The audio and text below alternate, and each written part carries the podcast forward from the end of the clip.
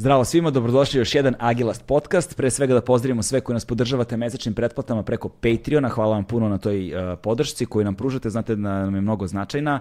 Ukoliko želite nas podržati na taj način, link je u opisu podcasta. Takođe hvala svima koji nas podržavaju uh, jednokratnim uplatama, što kriptovalutama ili preko Paypala, ukoliko želite da nas podržite na taj način link je u opisu podcasta i e, želimo se zahvalimo naravno našim dugoročnim partnerima sa kojima sarađujemo sve ovo vreme. Pre svega hvala ljudima iz kompanije Volt, u pitanju sajt za kućnu dostavu. Kao što verovatno znate, kao što verovatno već vrapci na grani znaju, napravite profil na Voltu, e, iskoristite promo kod Agilast i ostvarite 600 dinara, odnosno 3 puta po 200 dinara na prve tri poručbine popusta.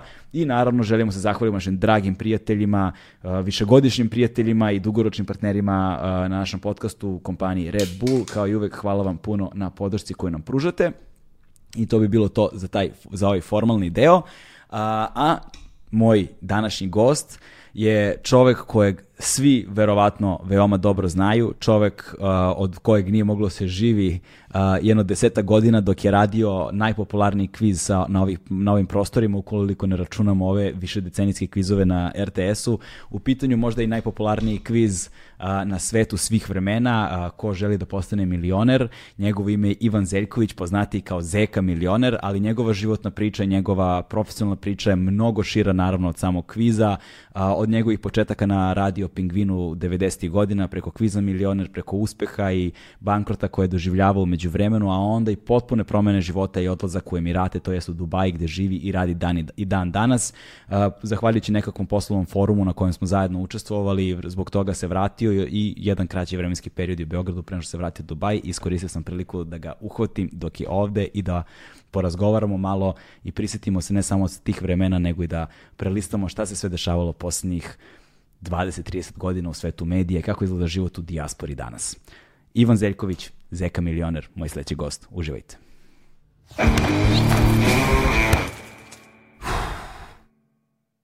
Hmm.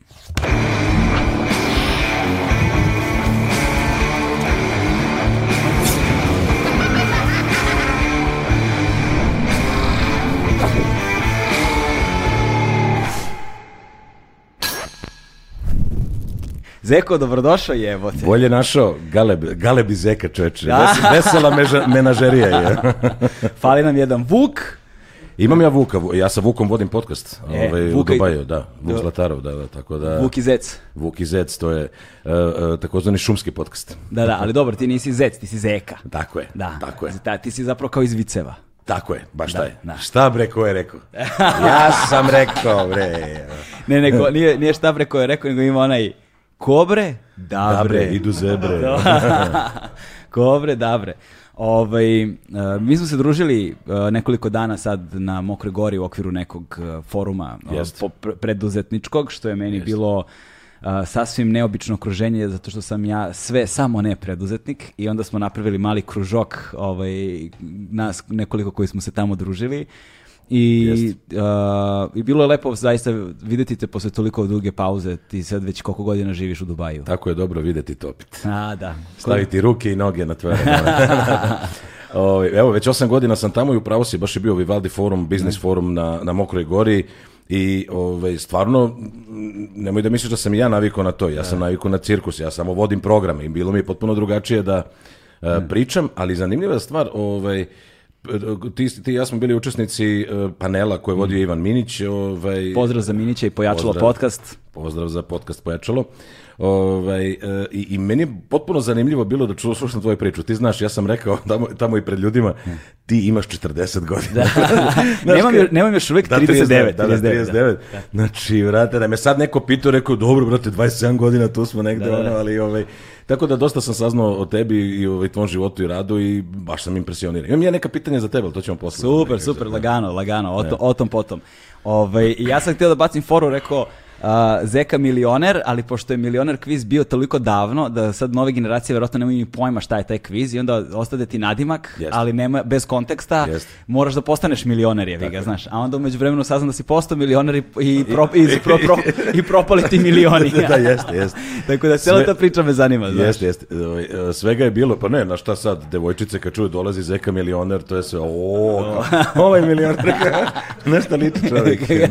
Kako ti milione imaš? Kakve ti milione imaš. Da se razumemo, ne u dinarima. Da, kada da, se da, razumemo. da, E, da, bilo a, svega. ovaj, za one koji ne znaju i e, kojima je možda e, kao teško da skapiraju duh vremena kada je milioner kviz bio, ovaj, ja mislim da ste vi u tom trenutku fazom bili gledani od slagalice. Znači, kao, mislim, da bio je najpopularniji kviz možda na ovim prostorima do sada. Jedno vreme, jedno par godina jesmo, onda slagalica, ovaj, da, danas, ovaj, kako se zove... Ona je samo ostala da postoji. Ostala, jeste.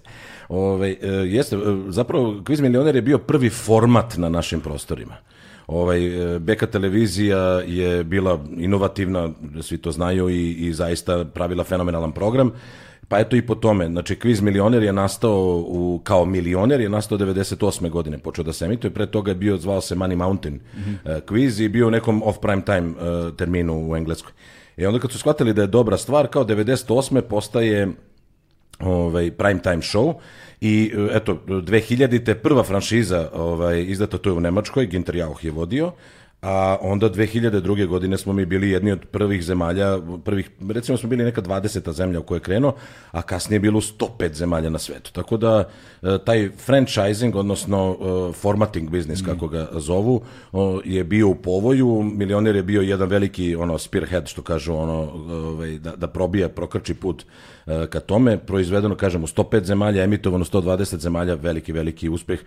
Ja mislim da to niko neće ponoviti obzirom da televizija ide, ovaj, nismo, Da. to, to smo, to smo konstatovali. Da, pored toga i ona i, i e, u tome što je taj kviz prosto postao e, pop kulturni fenomen u jednom trenutku i dugo godina je on to bio. Igralo bilo je aplikacije koje su bile takve pub kvizovi su se polako pretvarali u formate ono Jeste. zovi prijatelja ove one to su sad bile sve fore koje su postale ono sastavni deo kasnije nekih društvenih igara i ovoga i onoga što znači da jeste milioner bez obzira na to što je franšizni projekat i ovakav i onakav ljudi mogu da misle njemu šta god hoće ali postavio je određene standarde i Jeste. ostao je negde u sećanjima ljudi na određen način. ne? E, to, je, to, je, to je dobro što si rekao, ovaj, e, ni- nisu, naravno, e, svi su ga gledali, činjenica, ovaj, ali ta publika uvek bila nekako, u stvari, znaš kako sad, sad se javlja drugi talas te publike. Prvi talas publike su bile e, sredovični ljudi, znači e, tate, mame, tetke i tako dalje i onda ja, ovaj, mlad sam bio, 27 godina sam imao kad sam ovaj, počeo da vodim kviz, ovaj, izlazim u klubove i to i onda mi prilazi neka devojka i ovaj kaže, e, moja tetka te obožava, znaš, i to se...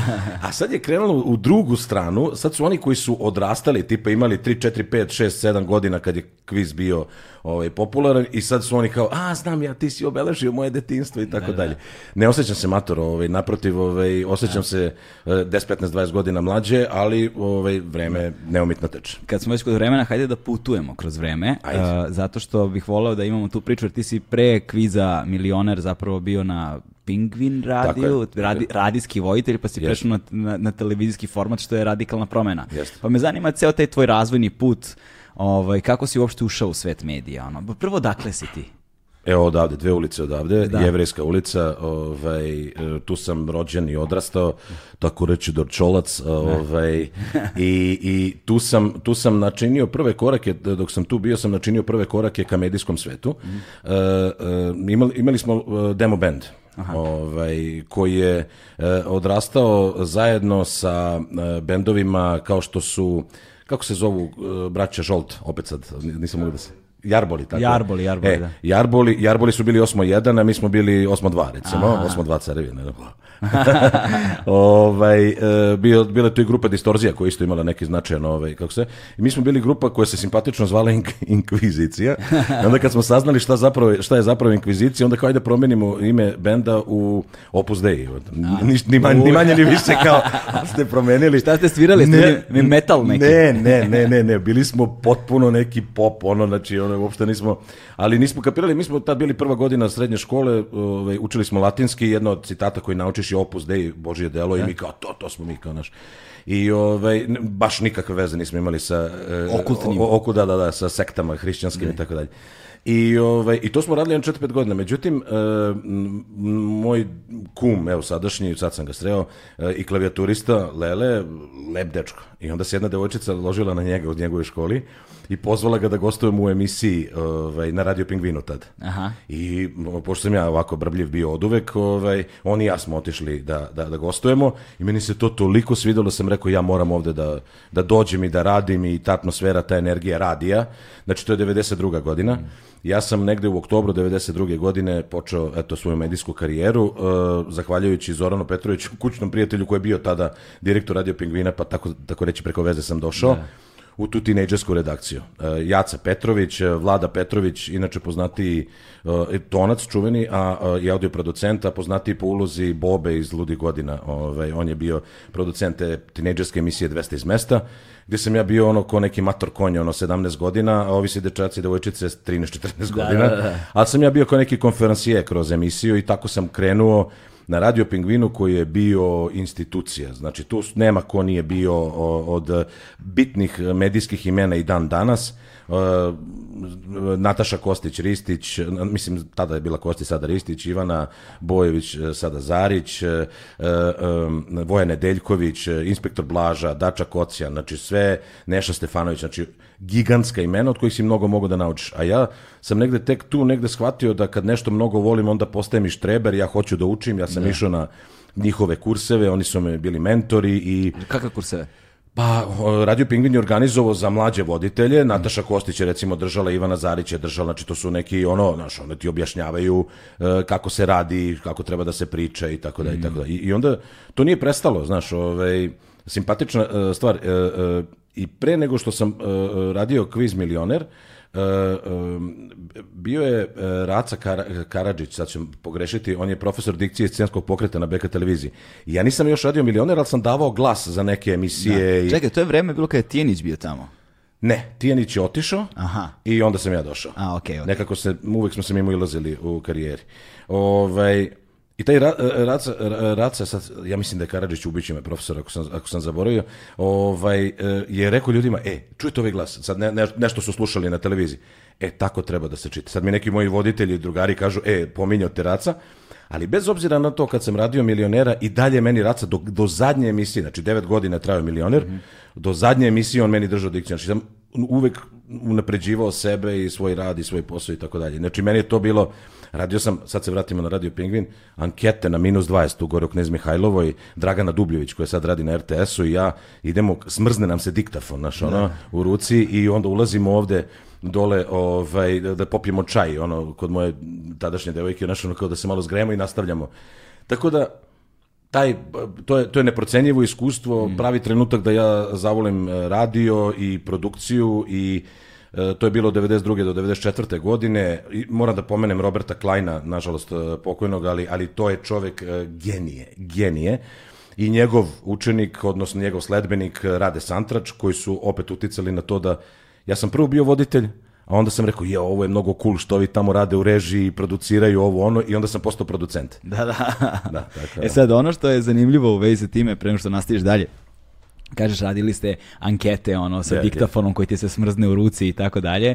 Ja do duše nisam radio to radijski, ja sam to radio televizijski, što je možda malo nesrećnije iskustvo, jer kad ljudi vide kameru u Srbiji, Da. bežanija. Beži diktafon, ali kamera, kapiram da je... Nemoj, nemoj mene, žuri. Nemoj mene, ali što je, to, je- to je još i super kad ti kaže nemoj mene. Da. Uglavnom te oteraju ono u tri Da, lepe, tako, znaš, da. o, brate. Teraj se, bre. A mrš bre, ti neš, mrš bre, ti što sam me to na što ti je u Srbiji kad uperiš kameru nekoga, to je batine samo što To ne je, dobiješ. to, je, to ja mislim da je, ja razmišljao sam puno o tome, ja mislim da je to, ovaj, e, zato što u, u prošlim vremenima, znaš ono, Ozna, Da. DB, ovo ono, ono Ozna kao, sve dozna. Ozna sve dozna, razumeš, i sad kao, nemoj, nemoj, ne moram ja ništa da, ništa ja nisam rekao, Tito partija, svi smo okej, ono, i onda valjda to ostao neki recidiv tih vremena. Ko zna, malo je to i konzervativnije društvo, malo su nesigurna vremena, naš, i ja sam primetio recimo na zapadu kad smo bili, ne znam, u Americi i to, kad uključiš kameru, svi bi da se slikaju. Tako je, Ljudima je tako to opportunity, prilika im je, to im je mogućnost da Pet se minuta pojave. slave, pet minuta slave, Pet minuta slave, ko zna ko će da ih vidi, kako to mogu da ukače, da iskoriste. A ovde, ne daj Bože da te neko vidi, može neka sramota, neki blam, neka nesreća da te steg, znaš, tako da skoro, su druge konotacije u vezi sa medijskim isto- mi, smo, istupanjem. mi smo imali taj problem isto u kvizu milioner, znaš, takmičari dođu samo, a, pa dobro, zašto? Znači, neće da priča, razumeš? A u Americi ima onaj čuveni lik što je kao, zove Ćaleta na zadnje pitanje. Da, da, kao, da, da, da, pravi forum. Znam odgovor, ali samo da ti kažem, što naravno sve izrežirano u Americi. Kako Sve- to Samo ti kažem da sam uzeo milion dolara, kao ne Da, treba da, mi nikako da, pomoć. da. Taj je bio legenda, brate. Da, da, da, a to je sve, naravno, i, i on je to dobro odigrao i to je lepo izrežirano i to je Amerika, znači, Da. ovaj, ali kod nas, kažem, eto, to, to Aha, znači to je bilo izrežirano, nisam znao za to. Vidi, nemam 100% dokaze da je to bilo izrežirano, ali prosto, kako da ti kažem, Da, ovaj, sve to glatko ide i sve to, znaš, ono, Amerikanci su malo promenili taj format, znaš, baš sam pričao, ja sam imao tu sreću, a to je još, još jedan od mentora je bio taj Rod Taylor, to je Chief of International Productions u, u Celadoru firmi koju je ovaj, osmislila i koji je zadužen za, bio zadužen za 80 postavki milionera, uključujući najveće nemački, eh, indijski i tako dalje, Jap- japanski, ne, nije, nije britanski, nego franšize, on je International Productions on radio. I ovaj, jer je originalni bio Chris Tarrant u, u, u Londonu, u Engleskoj. I ovaj, im- imao sam tu sreću da, da kažem da učim od njega, samo sam sad zaboravio što, zašto sam ga sad pomenuo kad smo otišli 16 digresija. Da, da, da, ovaj, da, da. Šta si rekao? A, pa bilo je to oko javnih nastupa, gostiju koji neće pričaju, izrežirano. E, izrežirano, jeste, da, Izrežirano. da, da, da, da. Ne čuje deda, ne zna šta sam pričao. ovaj, e, da, on je, on, je, znaš, on, on je meni rekao, baš se sećam da smo pričali o američkom, ovaj, gde, gde on kaže, naravno, Amerikan, to je jedna, to je prva licenca koju su Amerikanci kupili od Engleza, by the way, za TV. I, ovaj, i on kaže, oni su ga malo e, upropastili. Zašto? E, zato što su suviše dozvoljavali ljudima da osvoje. Oni su osvojili za šest meseci deset puta, ne znam ja. A nije u tome fora. Nije ni u fora da ne osvoje kao kod nas, što se nažalost desilo posle devet godina.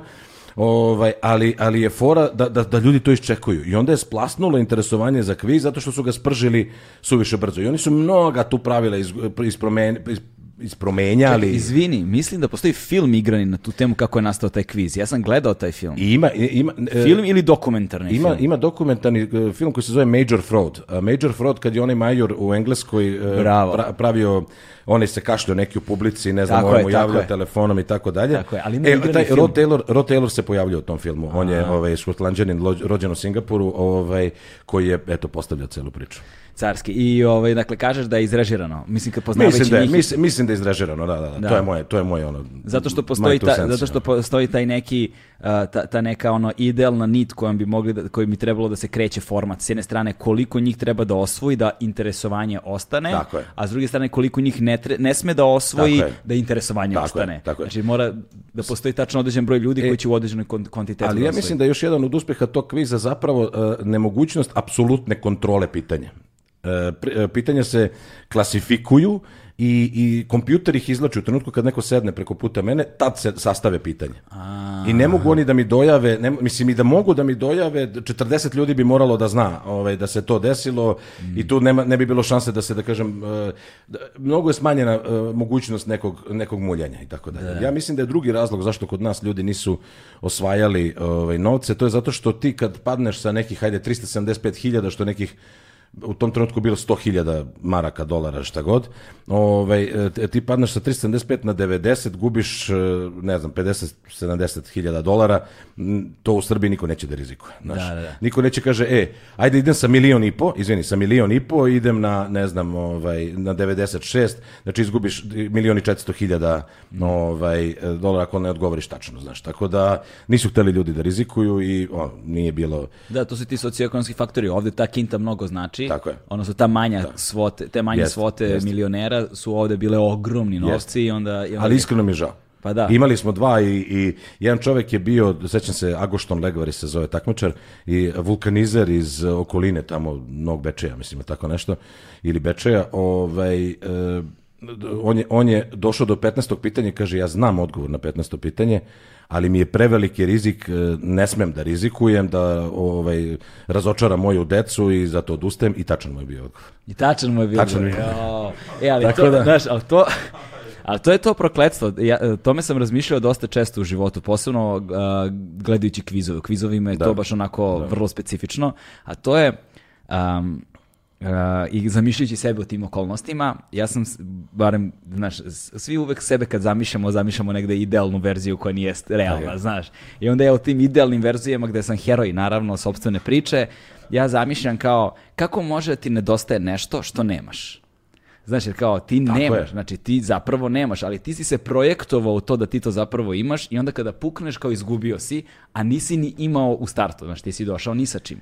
Ali nekako se čovjek, ljudska psiha, Bravo. aut- ono, ide tri koraka Znači ti unapred. si i- kockar, je li? Nisam, problem, nisam, nisam, nisam, nisam All kockao. in, razumeš? Ja zapravo se nisam nikada kockao u životu, Da, ni, bravo. na, ni za Bravo. šta. Nisam u životu odigrao slota, para, tone, voćkice, nisam nikada u životu ušao u kazino. Nemam pojma kako izgledaju iznutra, sem za filma, Da, da. sa fotografija na internetu. Ne, ne, to je, to je, to je, to je dobra stvar, ovaj, ali, ali veruj mi da kad sedneš u vruću stolicu, znaš, pet kamera upereno od tebe, tamo publika, znaš da će to gledati milioni ljudi, ovo ono, nema šanse da budeš najbolja verzija sebe, to što ti kažeš, taj heroj. Znači, to je toliko postane, postaje sve upitno i posao je jedan od glavnih poslova voditelja je da smiri takmičara, da mu pomogne, da ga, da ga staloži, da, da ne može da donese odluk, može da ga gurka, gurka, gurka i dovede do trenutka kad ovaj treba da odluči da li će da skoči ili će da poleti i ovaj, e, Da, onda sad ali dobro, doći ćemo do tih elemenata milionera i tih priprema i rada sa ljudima i kako je to sve izgledalo behind the scenes i pričat ćemo posle naravno i o stvarima koje su sledile nakon kviza. Ipak je ovo prvi u četiri sata ovaj podcast. Tako je, da, da. ali je fora, ali je fora ovaj, da se vratimo na onu prethodnu temu Ajmo, sa, radi, ping, sa da. Pingvin radija i sa tih uh, anketiranja na ulici. Zašto mi je to zanimljivo? Zato što uh, u to staro doba kada smo se ono mi kalili negde kroz medijski sistem, ja sam došao nešto kasnije, ali sam i dalje prolazio kroz isti sistem, ono analogne tehnologije i analognih da. organizovanja i tako dalje je- je značilo da si ti morao taj proces da prolaziš peške i morao si da ono delješ iskustvo što bi rekli ljudi u vojsci gušter ili Jeste. kako god, znaš, Šegrtuješ, da šegrtuješ. šegrtuješ, da šegrtuješ, ja sam bukvalno anketirao i kuvo kafe kome je trebalo. Znači to sam ja radio, to su prvi godinu dana na primjer. Upio si znanje. Tako je, između ostalog i to u redakcijama kupiš A deskovima. gde si, gde si počeo? Pa ja sam počeo na Metropolisu malo i da, Jeste, da, da, tamo da, sam, ja, tamo sam ja bio, da. da, da. E, i ovaj, i onda sam, a, i, i, a danas kad posmatraš a, situacija je sasvim drugačija zato što postoji online već ko zna koliko godina i razvile su se društvene mreže beskreno mnogo i stvari u tome da sad postoji taj kontekst instant gratifikacije. Ti više ne moraš da prolaziš ništa, nego ja mogu, možeš preko noći da postaneš zvezda. Jeste. I primetio sam da kod uh, klinaca koji odrastaju sa, danas kada hoćeš da radiš sa njima ovo ili ono, da postoji uh, taj problem uh, očekuju strašno brzo rezultate Jeste. za ono što rade ovaj, i ne ostavljaju sebi prostora da savladaju praksom niz stvari i onda upadaju u strašne krize, strašne probleme, zato što i ne, ne posjetuju strah, sigurnost u sebe I strpljenje. i strpljenje. Da, to si, to si skoro zapravo, baš sam uh, čitao, pošto imam decu 11 i 12 godina koji su sad u tom, bukvalno da ih ne skineš sa telefona, oni bi mogli 10 sati da budu na, na, na, online i da ne primete to. I da ne primete koliko su džangrizavi, drndavi i n- neljudski reaguju kad ih nešto pomeriš iz toga i tako dalje. I ovaj stvarno ono poštuju, imamo neki limit dnevni dva sata, ovaj kako se zove te tehnike i to sat vremena posle škole i sat vremena pred spavanje. Ovaj e, i, i, i stvarno poštuju, ali to što ti kažeš instant gratifikacija. Horizontalno je sve. Znači idem sad pogledat ću ovo, pogledat ću ovo, pogledat ću ovo, pogledat ću ovo i stalno postoji neki nadražaj u mozgu te te što kažeš instant gratifikacije, a dubina ne postoji.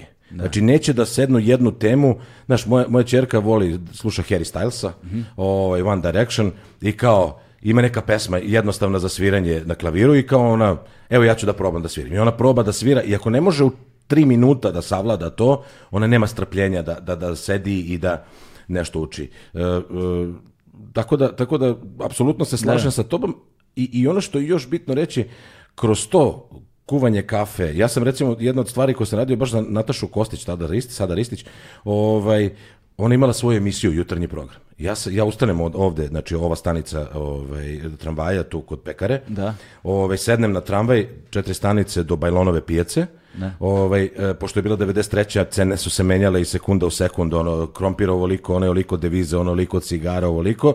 Ja popišem sve to, vratim se tramvajem kući ovaj, i ja uključim se u tel- telefonom u program i to mi je bila najveća stvar u životu da ja ka- da savladam taj e, ovaj, kako uključenje u veliki pingvin. Mi smo bili tinejdžerska redakcija, sad kao imao sam uključenje u veliki pingvin.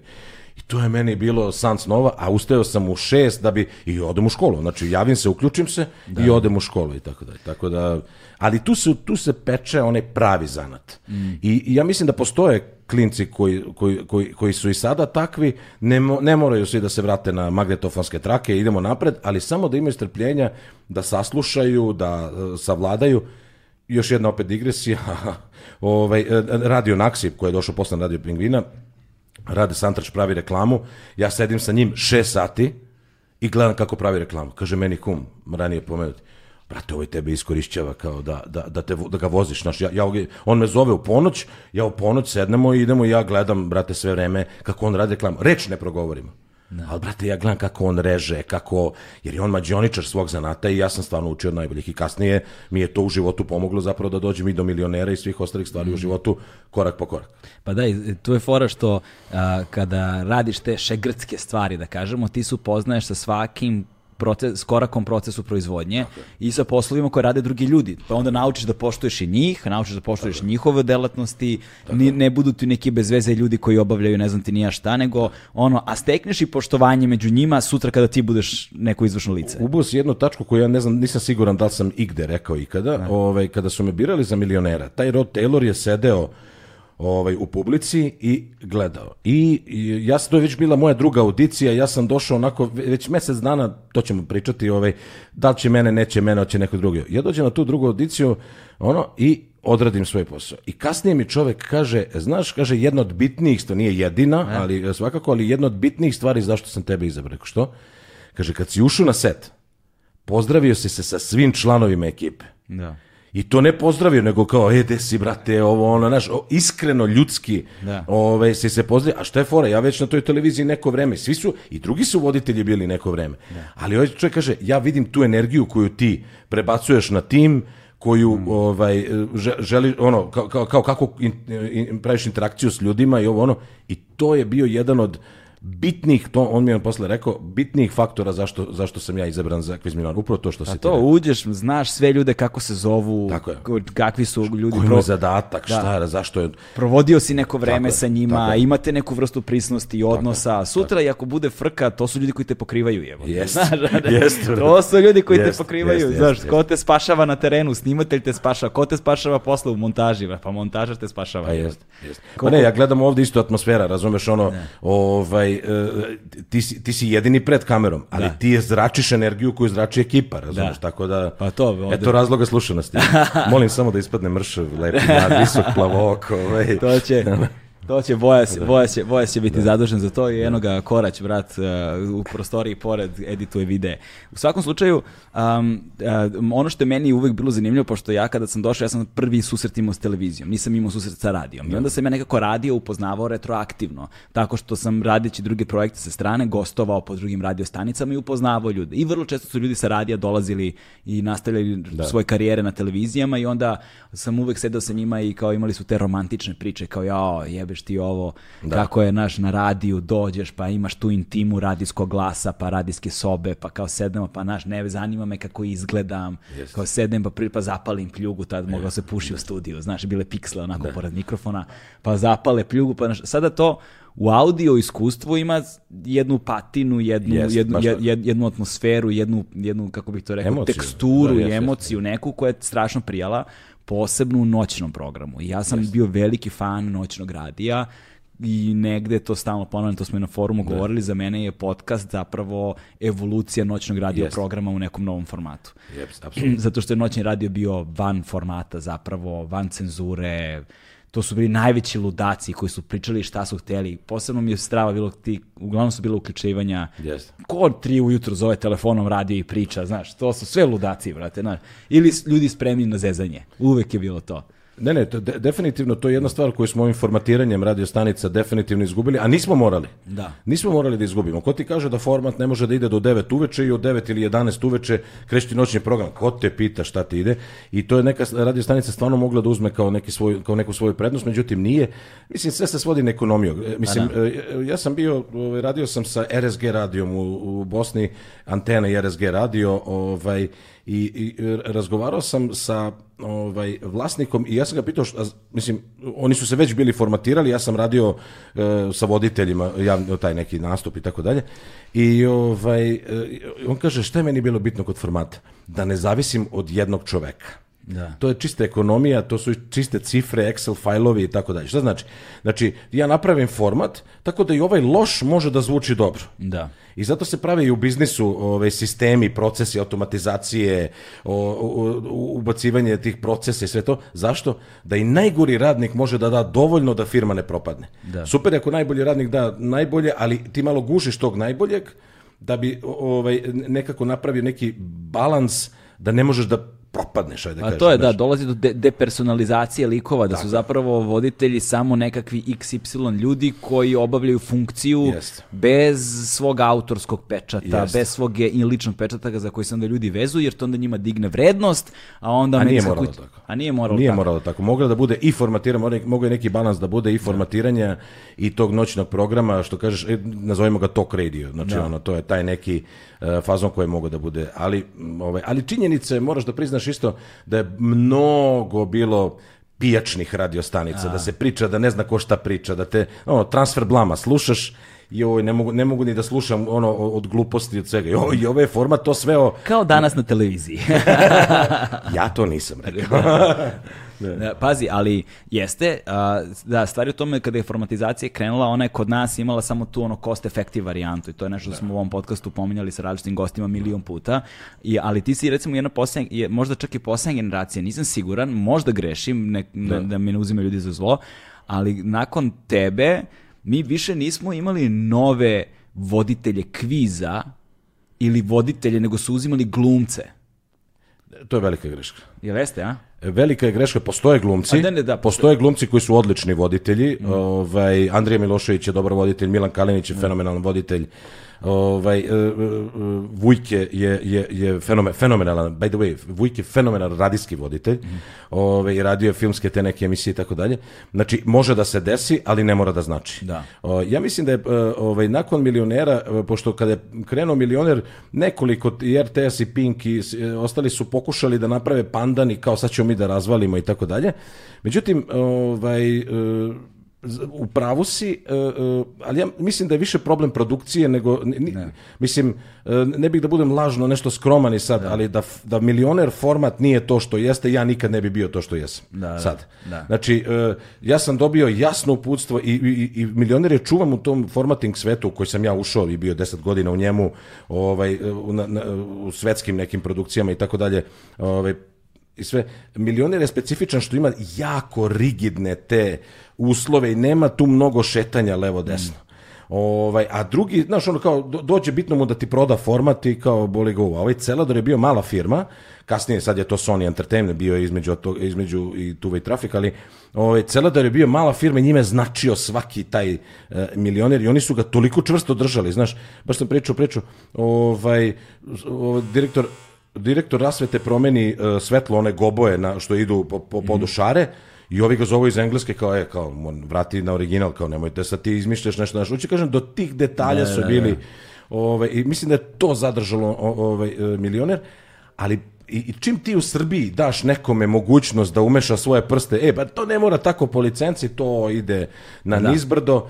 Pa zato I- što, za, izvini, zato što, zato što je fora jer ide, kažem ti, ide, ide po ono ceni koštanja, dakle, i onda gledaju samo kako da skrešu troškove. Apsolutno ih ne zanima. Tako je, Ništa apsolutno. sem da skreše trošak i da maksimalno zaradi. Tako je. I onda kada kreću, krene to, kada ti umesto uredničke pozicije dođe menadžer i kaže ovo sa poslovnog aspekta ne mora i nema smisla, tebi se onda usere potpuno sve što ste Jeste. radili do tada.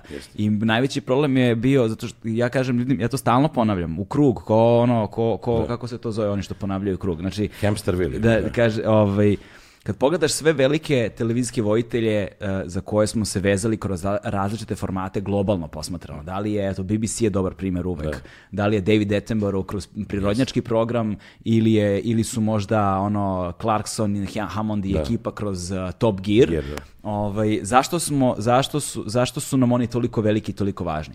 Prvo, njima je primarni posao da budu televizijski vojitelji. Nije im primarni posao ništa drugo. Znači, njima je primarni posao da budu televizijski vojitelji. Velika kuća je stala iza njih i negovala ih je decenijama. negovala, to je Negovala ih je je decenijama. Je investirala u njih dok oni nisu postali toliko veliki da su uspeli i da vraćaju nazad. To je odlična simbioza. I sjajan je primjer kada su Top Gearovci otpušteni iz Top Geara. Top Gear je propao. Znači, jer to, jer bez A Ground njih, Tour je otišao... Grand Tour je otišao, ni, on- ni Grand Tour nije bio ono što je bio Top Gear. Simbioza, da, da. Znaš, njih, ovi, o- u tom, njih, oni zajedno imaju neki simbiotički efekt koji niko od njih za sebe sam nema. I, i ta, ta i fora je u tome što kod nas investiranje u nekoga bi značilo da ja sada pristajem na dugoročni deal, da sad kao evo došao nam je Zeka, Ivan Zeković, sad ćemo mi u tebe da investiramo narednih 10 godina života. Znaš, takva vrsta dugoročnosti u ovom ekonomskom po, u ovoj ekonomski postavci ili nepostojanju ekonomske postavke je ogroman rizik. Niko neće da učestvuje u njemu. Znaš, tako da i onda šta urade? Dovedu glumca, što glumac je već gotov proizvod, popularan, Jeste. ima, vid, ima vidljivost, ima prepoznatljivost, ima ime, ima prezime i onda misle će navuku publiku tako što će dovedu glumca. I, a kao, u glumac ume pred kamerama, a to se toliko puta pokazalo Ne, kao teška glupost. Ovaj, em, kažem ti, ja sam dikciju radio ceo moj ovaj, poslovni e, vek, e, kad- kada sam radio ispred kamera i e, me- meni to je bila jedna stvar. Gostovo sam u seriji Naša mala klinika e, ovaj, Đurino i baš tih dana sam se video sa Tarikom Filipovićem, nešto smo baš je bio u Beogradu i, i družili se i rekao daj mi neki savet, ovaj, pošto Tarik Filipović stvarno o, još jedan primer fenomenalnog voditelja, a glumac je. I, i fenomenalan glumac, stvarno zaista, zaista dobar glumac. Ove, I ja ga pitam, rekao, idem da glumim u seriji, ima negde epizoda, ovaj, e, naša mala klinika gde sam ja kao gost, glumac, Ove, e, i, I on mi je rekao, kaže, sve ono što na televiziji, pa suprotno. Rekao, čekaj, kako, kako sad suprotno? Pa kaže, ti se trudiš kad, kad izađeš, kažeš, dobro večer, dobrodošli u kviz milione, ne znam, znaš, ako malo, ne. a ovde kaže, treba što mrljavije, što ono, naš, ono, kao da životno razume. I, i to, ta, ta sad suština ulaska u lik je jedno, a ti ovde ne možeš da, jer televizija te ogoli Da. i, i, i vidi da li ti imaš tu energiju ili nemaš tu energiju Da. zaista za te takmičare. Ne možeš da glumiš voditelja, o tome se radi. A mnogi naši, makar u moje vreme, evo, moram priznam, ne, ne gledam televiziju zadnjih osam godina, ali o, našu televiziju, o, a i uopšte, ovaj, kako se, mnogi naši glume voditelja. E, to je suština. To, je, to, je, to je potpuno suprotna stvar. Da, to je kao i stand-up komediji. Ne možeš da glumiš da je nešto smešno. Ono prosto mora da bude smešno. Ti si da, to radio, čoveče. Da, jeste, imao sam, imao sam ekskurs jedan od godinu i nešto dana ra- bavljenja time, ali to je neka druga epizoda za neke druge ono, okolnosti. da, da, da, da. Kada bude bilo prilike, o tome ćemo da razgovaramo. Ovaj, ali tu je fora isto, tu ne možeš da, ne, jedini način da bude smešno je da zapravo bude iskreno. Da bude smešno. Tako je, da bude smešno. Da bi bilo smešno, mora da bude iskreno. Da, da, da, I da, da. tu je fora. I onda kada dođu glumci kao ha, ha, ha, nije. Nije smešno. Ne možeš da. da glumiš da je smešno, jebi ga, Da. znaš. Ako nemaš neki drugi setup u kojem će to da ima komični efekat, Jeste, jeste. ali ovde setupa nema. Sam si. Da, da, I da. publika i mikrofon i to je to. Nema pauze, Ne, ne, nema taj nema stand-up je stvarno ozbiljno teška stvar. Ja, ja tako kažem, ljudi lako o- ocenjuju ljude, ljudi lako procenjuju ljude, ljudi lako odbace nekoga kao ne- da nešto ne valja. I da, možda neko nije dobar na sceni u ovom trenutku ili možda je ovakav ili onakav, ali koja su muda potrebna? Da ti samo izađeš i probaš. Jeste. Svako ko je izašao na binu i probao, kod mene ima večiti respekt šta god je na bini uradio. Ne, u- upravo to, na, na- naš, ovaj, ali o, zašto je komedija još taj high stand-up, zašto je, ja mislim, još teži? Znaš, ja izlazim kao voditelj programa, pa kad bacim, znaš, sad, ono, lupam sad, radio sam i Sava centar i, ne znam, arenu i ovo, znaš, sad, ili i male proslave, šta god. Ti izađeš i tvoje je da kažeš program. Ako ubaciš jednu foru, ja, super je ovo ono. A ovo je tendencijozno, ljudi dođu, ajde da vidimo koliko je smešan. Da, da. I ono sad ti trebaš da napraviš njihova očekivanja, to je, ja mislim da je to ono... Strašno. Pritom, pritom kod nas ne postoji razvijena kultura stand-upa, Da. njoj se radi, mislim, nemamo tradiciju kao što je Amerika. Da. I, ovaj, I onda ogroman procenat ljudi koji dođe, dolazi nadrkano, sa namerom Da, da, se ne nasmeju. Ajde da vidim kako ćeš da me To ti nasmeješ. kažem, da, da, da, ajde da, da, da. vidim, ajde, šta ti Da, vidi da. ga ti, šta će, ti ćeš da me nasmeješ, Da, da. ajde da te vidim. Znači, i onda ti Jest. moraš da probiješ prvo taj led. Jest. I primetio sam recimo da postoji pravilo jedno koje je dosta uspešno, ovaj, jeftino je, ali dosta uspešno, eto savjet nekome ko možda razmišlja na taj način, um, odnosno se bavi takvim stvarima, otvaraš kratkim forama, ekstremno kratkim, nemoj strpljenja da te slušaju, ništa, moraš da ih uvedeš polako, sve, kratkim forama na svoj račun. Znaš, Da, sve da, da, na da, svoj da, račun. da, Počneš, da, ono, da. odmah se usereš u sebe, Da, da.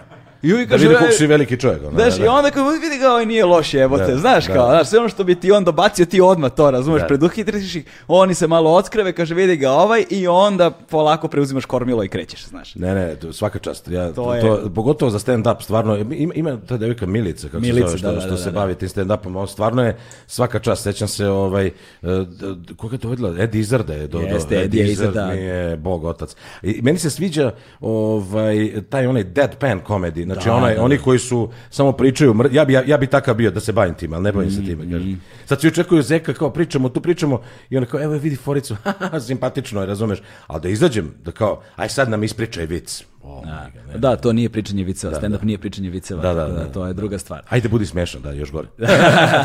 Vic može da bude dobar, ono, znaš, samo U lagano. svakom, u svakom slučaju, ovaj, a, ti si na pingvinu do, zapravo do milionera praktično, tako? E, da, zapravo napisim jednu pauzu dve godine, znači Pingvin 92. 94. 95. do 98. e, e, Radio Naksi.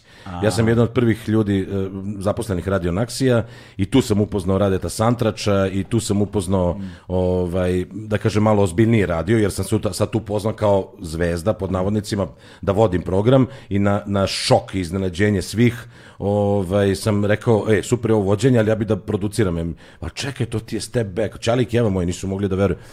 Ne bitno, de- bio sam te predivne e, dve, tri godine na radio Naksiju, velika, velika životna škola i onda se vratio na radio Pingvin, taj isti Rade Santrač od koga sam učio je stekao toliko poverenja u mene i bio ovaj, uveren u moj kvalitet da me pozove da budem jedan od tri lajnera, što kažu, bio je Bata, bio je e, Rade Santrač i bio sam ja, znači cele nedelje imaš svoju emisiju od dva sata Vitamin i tu sam sa tog pingvina, 98. do 2000. došao na BK televiziju kao audio producent. Aha. Znači, to je bio moj posao. O- ovaj mikrofon, recimo, je bio moj e, san. Znači, to nismo, ni- nismo mogli, bio jako skup, nismo mogli da ga, da kažem, priuštimo, niti je bio možda potreban zbog FM-a i tako dalje, ali, ali ovo, ovo je, recimo, sad to, to vraćanje ka, ka emocijama. Elem, e, Pa da, pa ni- mislim nisu oni ni danas jeftini, ali u kontekstu toga kako danas živimo su jeftiniji nego 98. Apsolutno, jebi ga. Ne, ne, ne, to su bile hiljade i hiljade, tipa, ja mislim da je njegova cena bila negde oko 3000 dolara, recimo, a sad je koliko, 600-700 dolara. Ma, mislim. ne, malo manje, oko 400, 300, 400. Tri, ono, oko do- u dolarima je oko 400 i nešto, u eurima 300 i Ja nešto. znam u dirhamima, da. Da, da, da. Pošto isto imamo ovaj, Da. Elem, ovaj, onda, sam, onda smo radili audio produkciju ovaj, sad ti kad dođeš sa radija gde je jedino što imaš audio produkcija i, i taj tvoj kvalitet obrade zvuka i tako dalje, mi smo radili postprodukciju, ovaj, mi smo maltene levom rukom radili, a svi su bili presrećni, stvarno smo davali dobar rezultat na BK televiziji kao taj tim koji je radio uh, audio produkciju.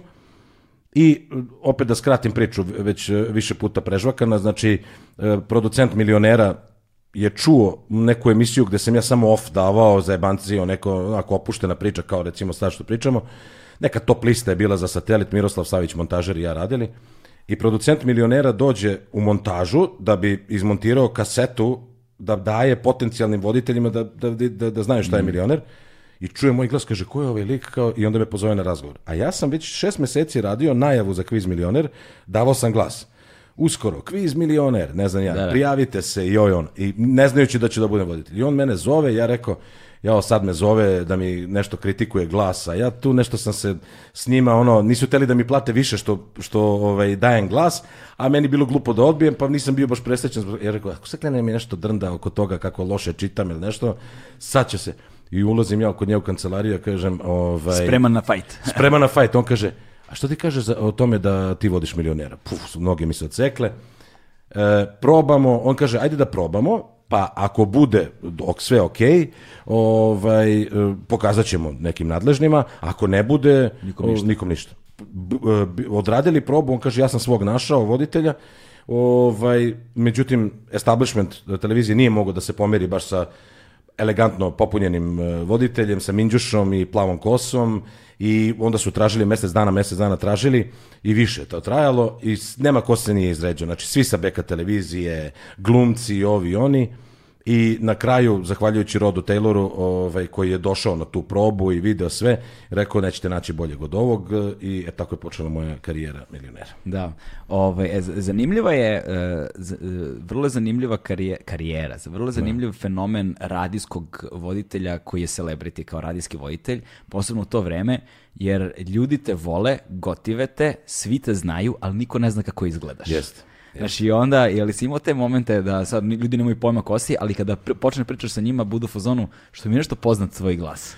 Pa meni je bitno da sam ja, ovaj, da, da se moje supruze svidio moj glas i tako, tako smo, se- ne, ne, nije, upoznali smo se prvo, ali jako volela moj glas na radio.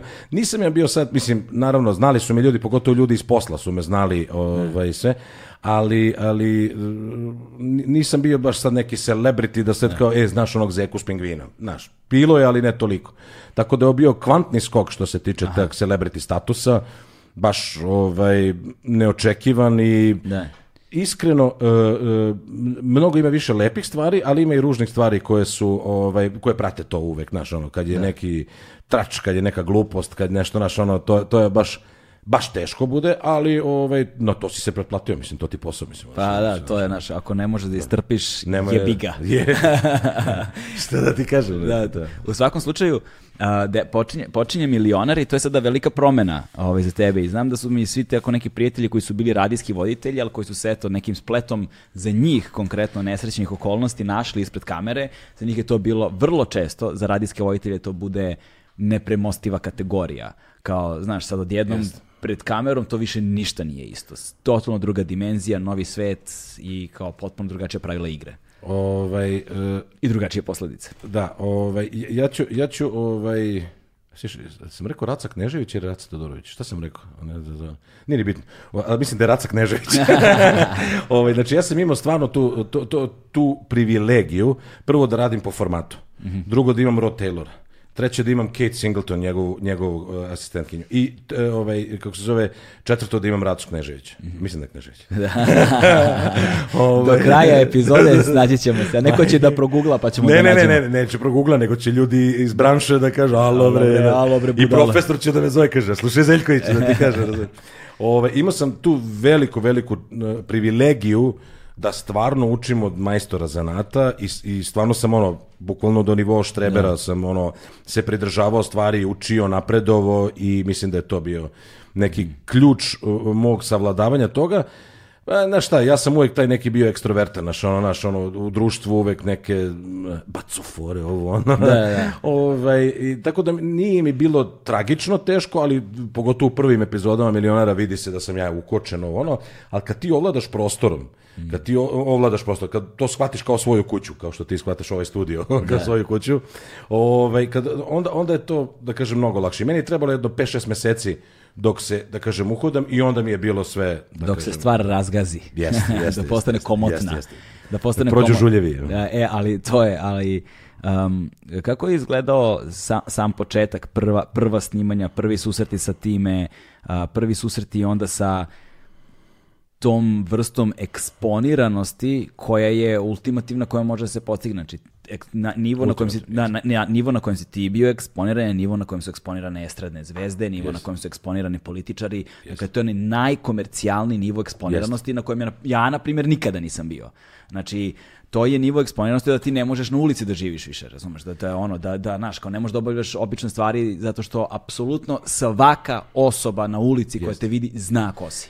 Zanimljiva stvar, ovaj, ja nisam, naravno da nisam introvertna osoba, ali kada sam počeo da se bavim time, lagano je počela da izbija i ta ovaj, e, da kažem, priča iz mene. Ja dan danas volim, prvo veče, ono, kad je bilo ovaj, tamo na, na, na, na forumu, kad smo bili Da. ti ja, prvo veče ide ona muzika akustična, ne znam, ja, ono, ja sam prvih jedno sat vremena sedeo skroz u ćošku tamo stola sam, slušao muzikicu, ono, Znaš, nekako, nekako ovaj, poč- počneš da ceniš tu, taj neki mir, Da, da, ono da. što si izgubio za, za, za uvek. I mož, pa, iskreno ovaj, prije mi to u Dubaju, znači evo sad osam godina sam tamo i ne, ne sreću me ljudi po ulici i sve to, ne, pazi da se razumemo, sad šetam Knez Mihajlove kako hoćeš, pogotovo što sam malo promenio ovaj, obim, da ne kažem izgled, ovaj, i promenio frizuru i pa me ljudi ma- manje prepoznaju, ali kad me prepoznaju nije to više ono seča vena. Ne Da, znam i ja, prošlo je dosta da. vremena, da. Prošlo je dosta vremena. Ali, ovaj, e, e, prija mi inkognito status. Mm. Naučiš da se... Majke mi, znači, u nekim trenucima e, e, jer, pazi, razni su u, inostranstvu pogotovo ludeli od te slave. Znači, ljudi ne mogu, evo ti, Michael Jackson je čovjek potpuno skrenuo, a možda više, ja, ja, ja stvarno mogu, ne, naravno, to nije bio ni promil onoga što je Michael Jackson popularan, moja popularnost, ali mogu da razumem da ti ne možeš, ti moraš u svakom hotelu u kom si da zakupiš ceo sprat zbog ljudi e, koji te čuvaju, zbog ljudi koji ti spremljaju, da ti ne bi fanovi došli, pa on, je, on nije mogao da spava i, ono, i naravno da je poludeo čovjek, mislim, to, to potpuno mogu da razumem, Robbie Williams isto, znači, ovaj, ono, naj, najveći e, Robin Williams, da, da. komičar, ovaj, naj, najveći komičar, zasmejavao sve i čovjek se obesio, znači, ko zna št- šta se u njemu dešavalo i od čega je on bežao i tako dalje.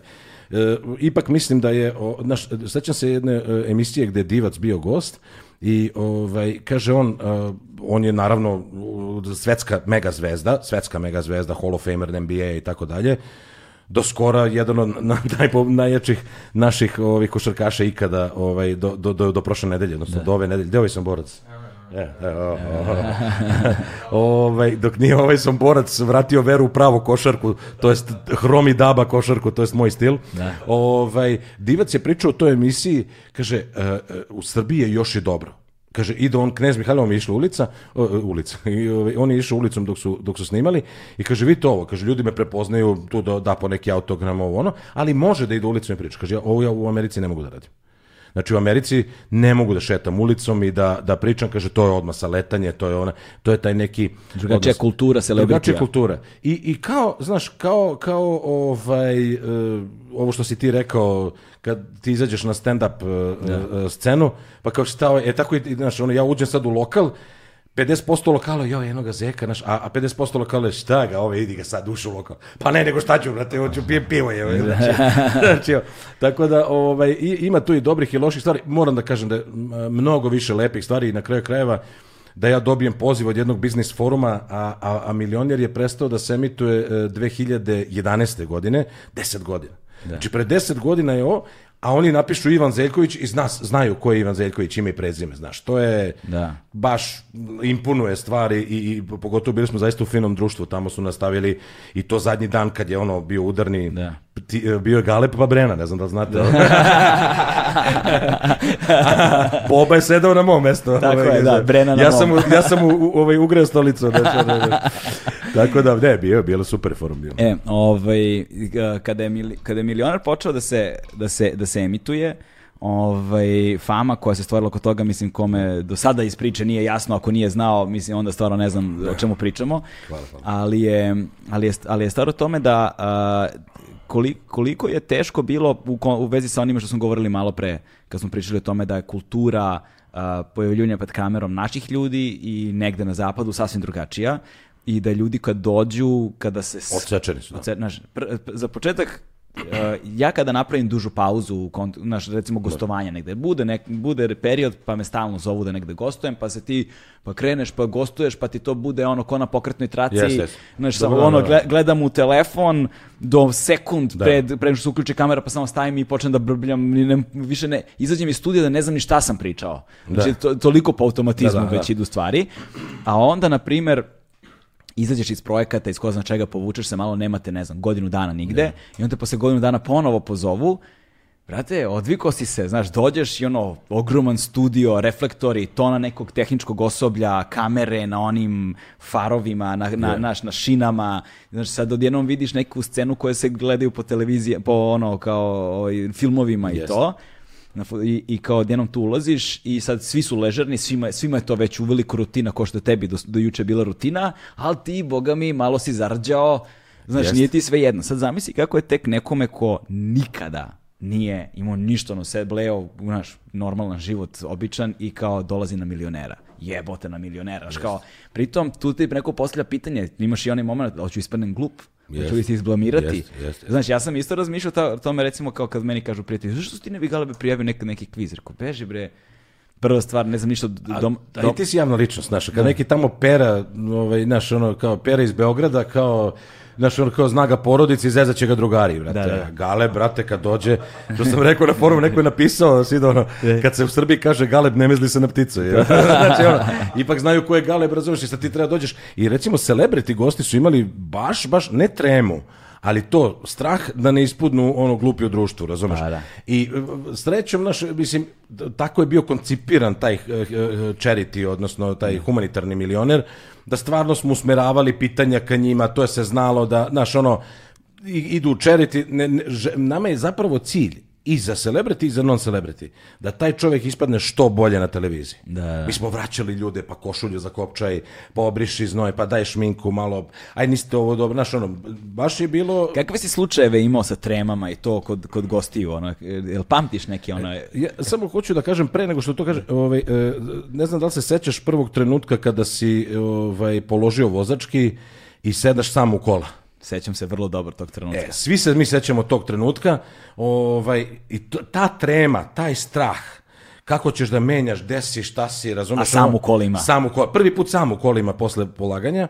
Ovaj, e, kažu da naše telo biološki reaguje svaki put kad uđemo u kola tako, s tim da se navikne na tu e, dozu adrenalina, ne znam čega, serotonina, čega sve se ovaj šta se e, ovaj e, luči i ovaj i kaže biološki naše telo uvek isto reaguje, pa se navikneš. Znači i to se.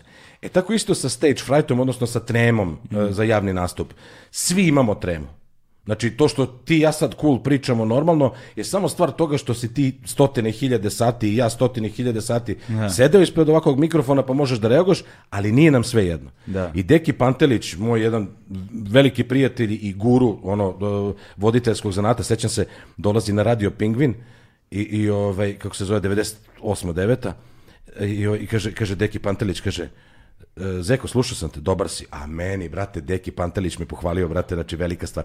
Elem, ovaj, e, e, Deki, Deki Pantelić kaže, kada, kada su upali ovo crveno svetlo na kameri, kaže, mi doživimo takav stres da bi mi trebali da imamo beneficirani radni staž. A to, je, to je stvarno činjenica. Tako da te ljude ja potpuno razumem i jedan od uputstava u knjizi toj, kako zovemo, Biblija, produ, produkcijska Biblija za, za milionera, kaže, e, čovek kad osvoji brze prste, on ne čuje svoje ime, on je u, u, u autu, znači u nekoj trećoj vasioni, i ti trebaš da jasno i glasno kažeš njegovo ime. Kažeš Galeb, Kačević i sad ti i pružiš mu ruku, kaže ovako, ispružiš to dalje, da on ima ka nečemu da ide, jer je on izgubljen u kosmosu. Pa onda ga uhvatiš, do, dovedeš ga do sebe, zagrliš ga ovako i kažeš, ajde, jesi Pa ga spreman? malo prodrmaš, Pa da. ga prodramaš, ono, pa sednete, onda tu kat ide, tu se unose stolice, ovaj, sve to, pa se nastavlja snimanje. Kad sedne u vruću stolicu, kaže, treba mu postavljaš 3-4 pitanja na koje definitivno zna odgovor. Kako se zovete, Galeb? da. Koliko imate godina, toliko. Jer imate dece, razumiješ. Kaže, da bi on ušao u taj mod odgovaranja i tako da, da, da, da se e, da, da se e, rase, raspreseče. Kako, znači, kako preseko se da se depreseče. Kako, Da se sastavi. Fale mi reči, ne razume, ja u, industri- ja u inostranstvu dugo živim, ovaj, fale mi. jasno, jasno. To je, to je, to je vrlo zanimljivo. Ja sam, uh, pošto mene uh, uh, vrlo redko zovu za te live događaje, ali sam svega nekoliko puta pričao sam sa Marijom Kilibardom kad je bila Mhm. ovde. Ona je u tome izverzirana. Ona je zmaj, brate. Ona i Deki Pantelić, kraljevi tezgi, brat. Kralj, Znači, kraljica tezgi. bukvalno, Znači, ono, brate. Kad Znači, mi ona jednom rekla, brate, slabo nešto te, brate, ako ti slabo tezge, brate, šta mi da kažemo, Šta mi brate, da kažemo to, jer oni su stvarno kraljevi. Yes, yes, yes. Znaš, oni, uh, pre Dekija Pantelića jedno svoje vremeno je bio i Vojan Nedeljković, Ivana Zarić je bila isto ono jedno vreme. Svoje Ivana su bili, da, da, da. Da, da, da, to, ali, su ali sad su ono... Super couple. Oni su bili super couple, sad su ovi super super couple. couple, da, ovaj, a bili su jedno vreme, ja mislim, Marija i... Ivanović, ne? Ivanović, tako, Da, da, da. oni su zapravo bili super. Jeste, jeste, ali. Marija Kilibar je tu standard sve vreme, Standard, standard, brate. standard, on je zlatni standard, ono, live hostovanja. I ja, i mi pričamo sad, ona, um, ona, ona meni kaže kao kako je, kao strava ti je bilo ovo, strava ti je bilo ono. Ja joj kažem, ali ti ne znaš koliko sam se ja usro, razumiješ? Pitam se ti, ti plaš, kaže ono, ne, meni to već kao postala rutina. A ja u razaru kad to treba neki live, posebno kada je nešto ogromno produkcijski, kad znaš da je veliki tim, ne mora možda puno ljudi da gleda, ali kad znaš da je ogroman tim ljudi... I ako zajebeš ono kao... I sve se svodi na iz tebe. početka kao... Znači sad ti imaš ono, ne znam, mesec dana su dizali nešto, gradili, razvlačili kablove, postavljali konstrukcije, Da. ne znam, 200 ljudi u obezbeđenju security, ne znam, 20.000 ljudi na tribinama, ono, 500 ljudi u organizaciji, u produkciji, ne znam, 30 i nešto kamera, ko zna koliko tonaca, rasvete, to ono, milione sve košta. I onda svi, sve te ogromne glomazne stvari se ovako samo sužavaju, sužavaju, sužavaju, sužavaju, sužavaju i u jednom trenutku samo čuješ onaj in-ear kad ti uvetu kaže 10, da. 9, 5, 4 i kaže ovako, 3, i samo čuješ kako su se u režiji svi učuta, učutali, jer ti obično u in-earu čuješ Tako do tri, cel- da, da, do da. 3 čuješ cela režija bruji, svi goma, ga, go- galamu, jednom samo tišina, svi ćute, čuješ tišinu, 3, 2, 1. I ti ono. I samo se upali ona crvena lampica.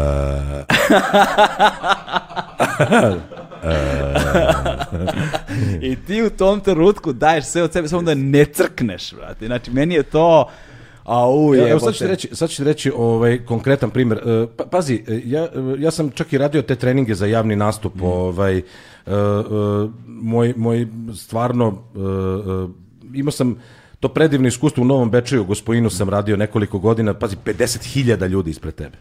To je, to je najveći skup koji sam ikad radio. Parni valja koncert, kažu bilo oko 50.000 ljudi, Lepa Brena koncert 50.000 ljudi i, i, i, i riblja čorba je bila, mislim, to, to, mislim različite tri godine, ali ovaj, to, to je bilo. E, e, ja nekako, ne znam, možda sam tad bio u treningu, možda, ali recimo predsjednik opštine ovaj, Novog Bečej, Novi Bečej, Saša, nije on je imao tremu od, od nastupa i e, ovaj, ja sam imao sa njim te ovaj, e, e, treninge i e, on, svi su mislili da ću ja sa njim da treniram sa dikciju, znaš ono, pa, olovka usta, ono, ha, ka izgovar, pampur usta, znaš ono. Ne, ali ja sam u stvari e, mu sve, objasnio da je sve u pripremi. Da. I ako ti znaš pogotovo prvih par rečenica kako će to da se odvije, kako će to da se desi, šta ovo ono, znači samo se fokusiraš na te prve dve, tri rečenice i onda krećeš polako na... Ja mislim da je, ja, i to sam uvijek pričao, entertainment, odnosno zabava, je ozbiljan biznis. Da, da. I kogod ozbiljno pristupa tome, evo, ti i ja smo se čuli, videli smo se na forumu, pripremili smo se za ovu emisiju, a ti si teo još Da. se vidimo, pa nismo uspjeli da se usaglasimo, to je ozbiljan pristup. Da. Znaš kao, ajde, znači da, da, da uradimo, e, da to bude zabava, ha, ha, ha, znaš kao, kad smo radili jutarnji program na BK televiziji, tri sata živog programa dnevno, pa Bog otac ne može da ga izvuče bez telepromptera, razumeš i to se. I e, kreće... e, Ili kako ga popularno zovemo u industriji, idiota. Idiot. Idiot. ovaj, e, znači, znači, i sad, sećam se, bila neka frka, nešto nisu stigli teleprompter i ovo, rekao, ljudi, nemojte pogrešno me shvatite, nikad nisam, nikad nisam se nešto zve, zvezdio, razumeš, ono, ponašao kao zvezda, ne znam. Ja ne mogu da vodim tri sata bez telepromptera. Ja ne mogu, ma ne, ali ti ono tvoje, brat, ma mogu ja ono moje da bacim ako traje t- 30 sekundi najava, ja ću u 15 sekundi nešto da odvalim i to je to. A ne mogu 3 sata. I bez obzira da li se ti držiš idiota ili se ne držiš idiota, znači da li čitaš sve ili ne, uvek možeš da se vratiš tome. Da, da. I zato je priprema bitna da bi mogao da improvizuješ. I često nisam se držao idiota. Ali e, kad, ne, kad god nisi se probudio, ustao na levu nogu, nije ti do ovoga, nije ti do onoga, tebi piše lepo tamo, ti uzmeš, čitaš, gledaš u kameru i to ispadne, da kažem kako treba. Mislim da je priprema suština. Evo sad ću ti reći za forum, kad smo bili gore, e, e, imali smo ovaj e, panel, znači Ivan je vodio, Ivana iz Donesime, odnosno Sredime, Aha, i da. ti e, Galeb i, ja, Galeb i ja, ovaj, smo bili gosti. Znači nisam ja bio u centru pažnje, znači naš četvoro smo razdelili Da, da. ta- tu da kažem pažnju e, lju- ljudi tamo koji su. Mhm. Ovaj, ja sam se probudio dva sata ranije, nisam išao na trčanje kao što obično idem da ne bi isparavao znoj kao što što je sad ono. Ovaj da ne bi isparavao ovaj kako se zove znoj, e, da, e, istuširao sam se dva sata ranije da bi Da, da. da ne bi ni tu isparao, na, onda ovaj, e, nisam ništa jeo, da mi ne bude nešto u stomaku, da. razumeš ovo ono, obuko sam te, video si crvene patike, to su mi bile za nas, sve mi je bilo potaman, da. Da. ja kad sednem mogu se koncentrišem na to što pričam. I ja obično ljudima kažem, a pazi ovo smešno, tima ko, kojima sam radio taj trening recimo nekad ili jednostavno savjet nekom, Mm. uzmi i stuširaj se pre nastupa. Oni si kao, ne brate, uzmi i stuširaj se, sredi se, koncentriši se, da ti sve to ne, ne, ne opterećuje mozak. Da, da. I onda, naravno da će da se istuča, naravno da ćeš on, ali nemoj da zaboraviš da, to uradiš, I, jer ta i, pri... i iskenjaj se. njujke, baci blato, baci blato, obavezno pre. I kad smo kod toga, može pauza, brate. Da. Evo nas opet u emisiji.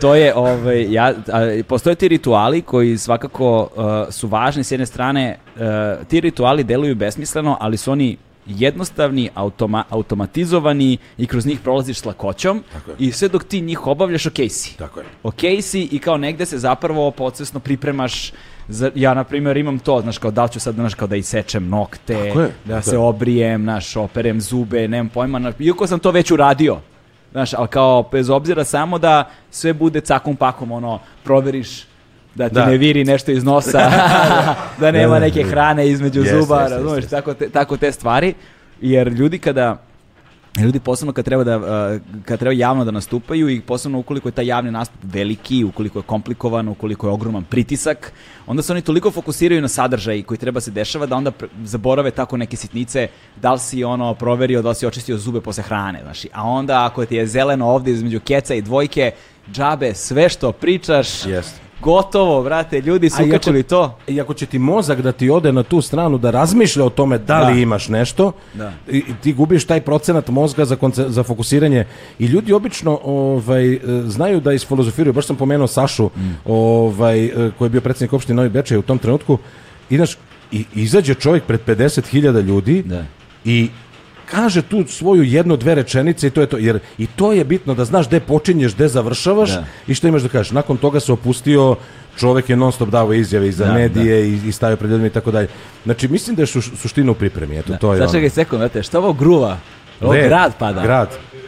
Sad čekaj, Ne prekidajte emisiju, ne, ne. ne. Ala roka, brate, baš ubija, a? To, ja čujem se ko da bombarduje nešto, posebno ovde sam pojačao sebi predpojačalo ovo za slušalice, zato Da, što da. sam gluv ko top, i onda meni grmi ovde u slušalicama, rekao, šta je bre ovo, ono grad Ma pada. bit će dovoljno, samo treba da se deremo, sve okej. Ma nema veze, sve, sve, sve u redu, sve u redu. I ovaj, koji su bili neki najekstremniji slučajevi treme ko, ono, kod gostiju koje si video? Ne, nešto, znaš gde se videla recimo trema? E, od prvog do petog pitanja, znaš, ovaj, to su laka pitanja, Da. uvodna pitanja i kad ljudi Ne Znaš, znaju prvo pitanje. Ne znaju prvo, drugo pitanje, znači to je ono. I, sad naravno tu smo imali, da kažem, slobodu i pol, ne policent, i policencija i ovako naš ljudski, nećeš da pustiš nekog da, da, i bio jedan tip koji nije mogao da, da, da, da, znaš, ja mu kažem, pa dobro, razmislite dobro da li je to. Ne, ne, to je odgovor.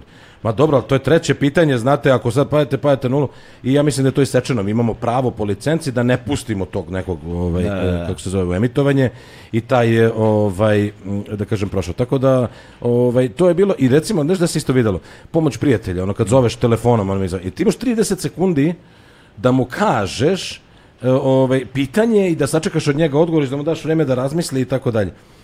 Čeče, ljudi se izgube. E, čao, Miko, jesi tu, čuješ me? Dobro, slušaj, evo me u kvizu milione, tu sad, e, tu sam na pitanje, i brate, ono, znaš, dok on saopšti, on, a reci mi koji je odgovor, pip, pip, znaš, ne, znaš, ono, 30, tu se, tu se vidi e, nefokusiranost ljudi. Mi imamo sa njima probu, oni dođu u studio i, i to je jako bitna stvar isto.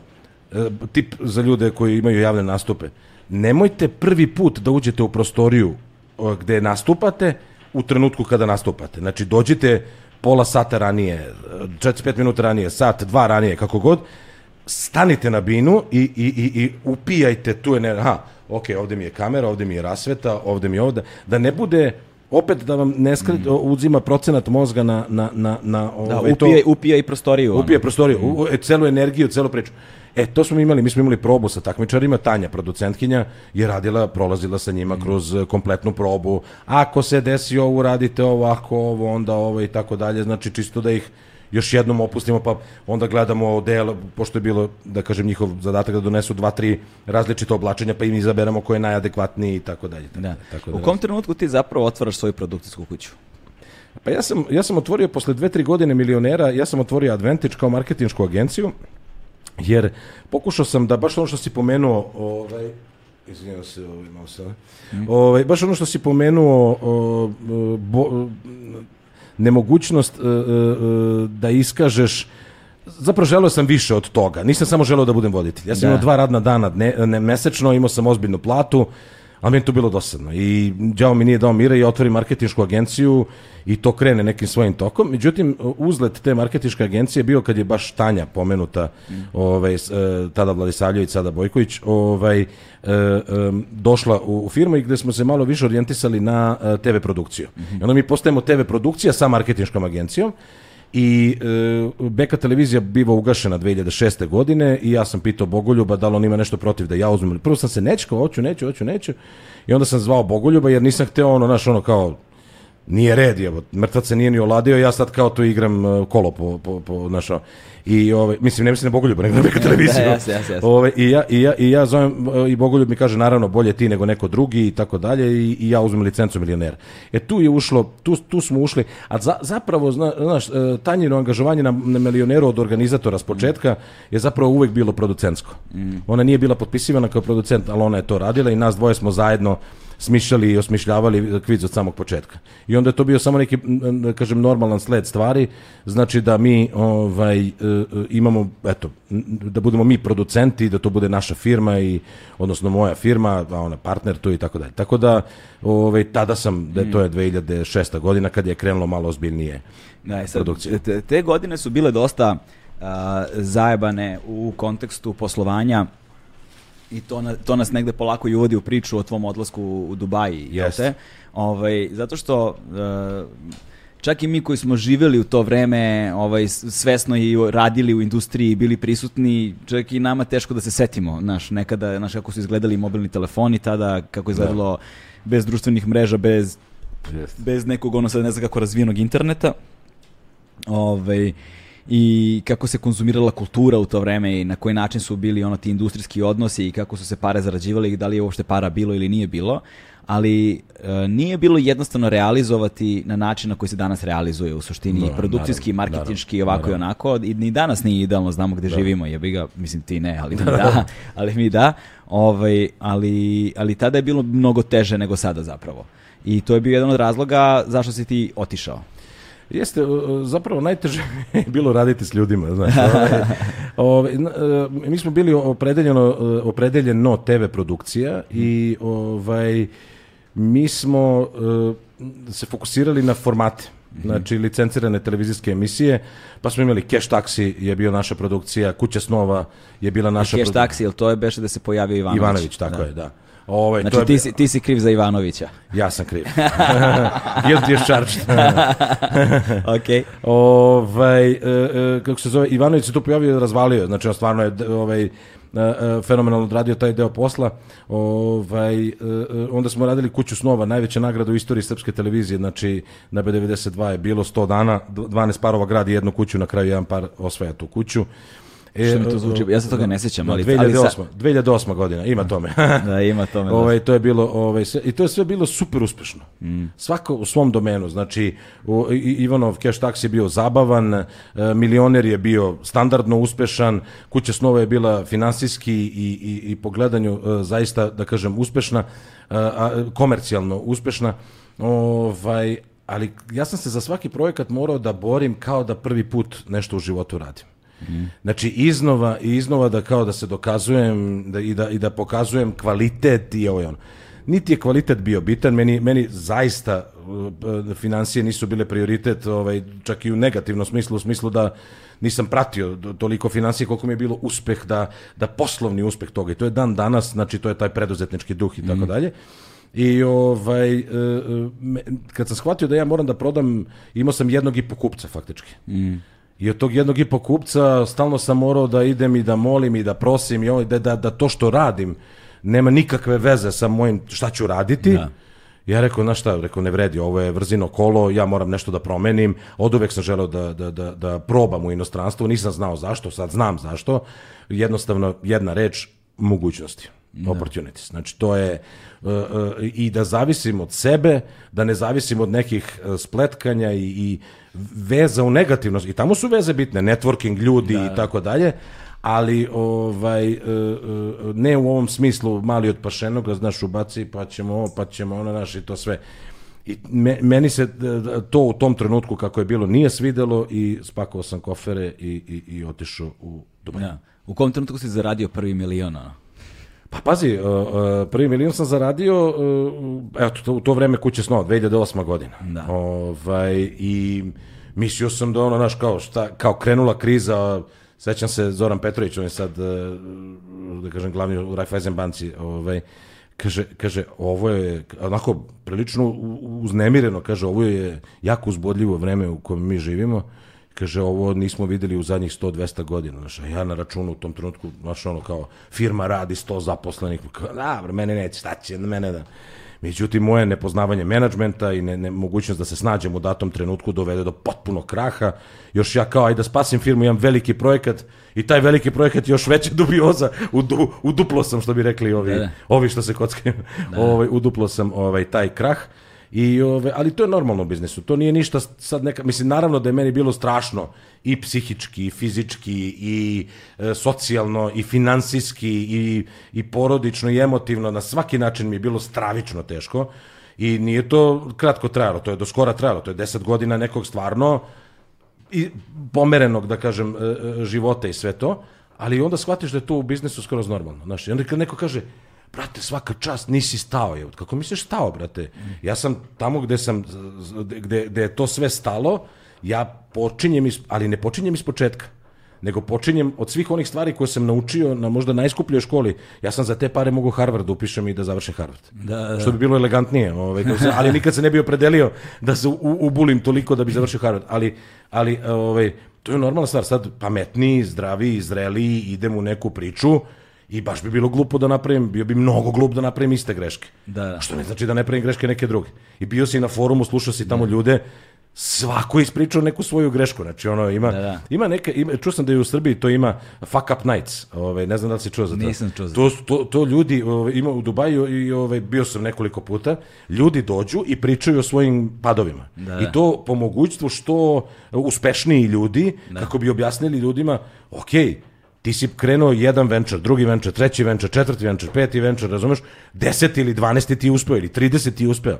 Ali ti sve vreme rasteš i sazrevaš i ne praviš iste greške ili si mnogo glup ili praviš, ili praviš iste greške, razumeš? Samo se nadam da nismo mnogo glupi. Ono, To, sve ostalo, to, sve ostalo, to, sve ostalo to. može, brate. Sve je. ostalo može. Ali grešaka će biti, sam si rekao i ti si isto ušao u- preduzetničke vode ovaj, Mm. Pa to ja sam ja, skoro. ja sam rekao, ja sam rekao ljudima ja stalno to govorim ljudima, dakle, uh, moraš da shvatiš da, ljudi moraju da shvate da moraju da imaju pravo na grešku. I da je to sasvim u redu. Ovde postoji taj strah, valjda su i takvi uslovi u kojima živimo i ta nemaština i negde smo mi ono generacijski već utučeni potpuno i ljudi se ne odvažuju ni da probaju za početak. E, Gledaju da budu što sigurni da natalasaju mnogo, samo da ja nemam nekih problema jer i pritom ta neizvesnost vremena i nemogućnost dugoročnog planiranja takođe izazivaju tu jednu svojevrsnu apatiju između ostalog i onda se nekako ljudi zakopavaju još dublje u to pronalazeći nekakve komfore u kojima kažu e ovo mi je okej, ja sam sad cool i ne moram ništa, znaš. Ono što kažu, znaš ti koju ja platu imam za srpske uslove. Pa E, nemoj da. mi srpske uslove, čoveče, daj, daj da gradimo nešto i radimo. Vidi, ovaj, u, sjajno si to sublimirao. E, jedan, jedan od tekstova koji me vodio, zapravo jedan od gurua koji me vodi i dan danas je Miša Lukić. I često sam pričao sa njim iz jedan njegov članak, pošto je on radio na Bliskom istoku, radio je 4-5 godina u Kuvajtu i jedno godinu i po dana u Dubaju i ovaj e, on zna to tržište, poznaje to i kaže i baš pitali su ga u vezi sa mi- s, e, bliskim istokom i tržištem i on kaže jedna bitna razlika u odnosu na a, ovaj Srbiju, odnosno naš region, ne samo Srbiju, pošto on radi u drugim zemljama našeg regiona, ovaj je to da vam je dozvoljeno pa imate pravo na grešku. Možete da eksperimentišete sa stvarima. I to je tako normalno. Ljudi, recimo Amerikanci kažu da ne žele da investiraju u čoveka koji nije makar jednom propao. Da, ako nije makar jednom bankrotirao. Makar, makar jednom bankrotirao, kaže, zato što taj čovek zna, o taj čovek odgovoran, taj, a naravno ako nije lud neki, ono, ili glupio. Ovaj, kako se, zna, ima drugačiji odnos prema životu. I, I naravno, svakom je njegov krst najteži i najveći i ovaj sve ali svako nosi svoj krst i, i ovaj mislim da je bitno da razmenjujemo da, ovako da, i to, da to, za, to za taj venture capital, ono, za te ljude koji investiraju na taj način, to sam čuo i ja, da zapravo, uh, jer, jer, jer proces učenja, škola koju ti bankrot ostavi, znaš, to je škola koja ne može se kupi nikakvim Jest. novcem. Nema, nema to Harvarda koji će tome da te nauči, znaš. Dakle, da ti Hvala ishe- što me teš. Da, da, da, ti ishendluješ, da ti ishendluješ bankrot Jeste, jeste. i da se uzdigneš ponovo iz toga. Čuo sam neku priču, izvini sam te prekinuo, Ne, ne, ne. ovaj, čuo sam neku priču, neki dečko se obesio zbog 500 dol, eura duga, nešto, ne znam, i to nešto, ne, tak, neka priča došla, ne, ni ne znam, ni, ni ko će- Ne, znači, znaš kako kažu ovaj, Japanci, kaže, problem koji mogu da reše pare nije problem. Da. Mislim, nije da nije problem, Da. da, se razumemo, ovaj, svakako opterećuje psihofizički i emotivno i, Da. i sve to, a- ali, ali definitivno za, za- zamisli da, da je u tom trenutku, znači to, to ima sad evo, Mm. 11 godina, recimo 10-11 godina, da, da mi je konstatovan rak. Da. Tad. Znači, ja ne, da, ne bi mogao da gostujem u ovom podcastu. Da. A, ovaj, a, ovako ideš, guraš dalje i trudiš se da stvarno ostaviš neki e, pozitivan napredak u svetu oko sebe. Da, da. A s druge strane, znaš, ako je ono 500 eura, dolara, šta god, znaš, opet sumnjam, sumnjam da je to razlog. Znaš, sumnjam, sumnjam da je to razlog i a vrlo često kada se govori o takvim stvarima, pitanje je, znaš, koliko možemo da govorimo o razlozima. Da, između, da, tako između, je, između tako ostalog, znaš, mentalno zdravlje, brojni drugi socioekonomski faktori, porodični, ovakvi, onakvi, emocionalni, biohemijski, više, znaš, komplikovana to tema, ne bih je ja baš meso tako lako u taj okvir, Jeste. ali bez obzira razumeš šta hoćeš da kažeš, znaš, hoćeš da, da Ovaj, ali ono što je takođe ovde problem i to, to, to, to se lepo konstatovao kada se citira ovoga da ljudi moraju da imaju pravo na grešku je činjenica što ovde vrlo teško ljudi sakupe i malo kapitala nekako, giole nekako kapitala i ima onda veze. to kad im propadne, propalo je skroz nemoj ništa. Jeste, Znaš, lj- ljudi su primorani da krenu, daj nešto, a znaš ono kao otvorimo restoran i prvi mesec mora da prihode. Da. Engles kad otvori, kaže, kaže prvo pravilo biznisa je investiraj pare, ali ne svoje. Znači, prvo treba nađeš investitora, pa onda napraviš priču, pa onda guraš neko vreme, pa tek onda neki prihod. Ti, jer, jer investitori će smatrati smešnim bilo koju investiciju koja im dođe i kaže mi krećemo i odmah imamo prihod. to je nešto ne valja, nešto nije u redu, nešto je... Ili je prevara neka. Ili je prevara, da, da, znači, znači to.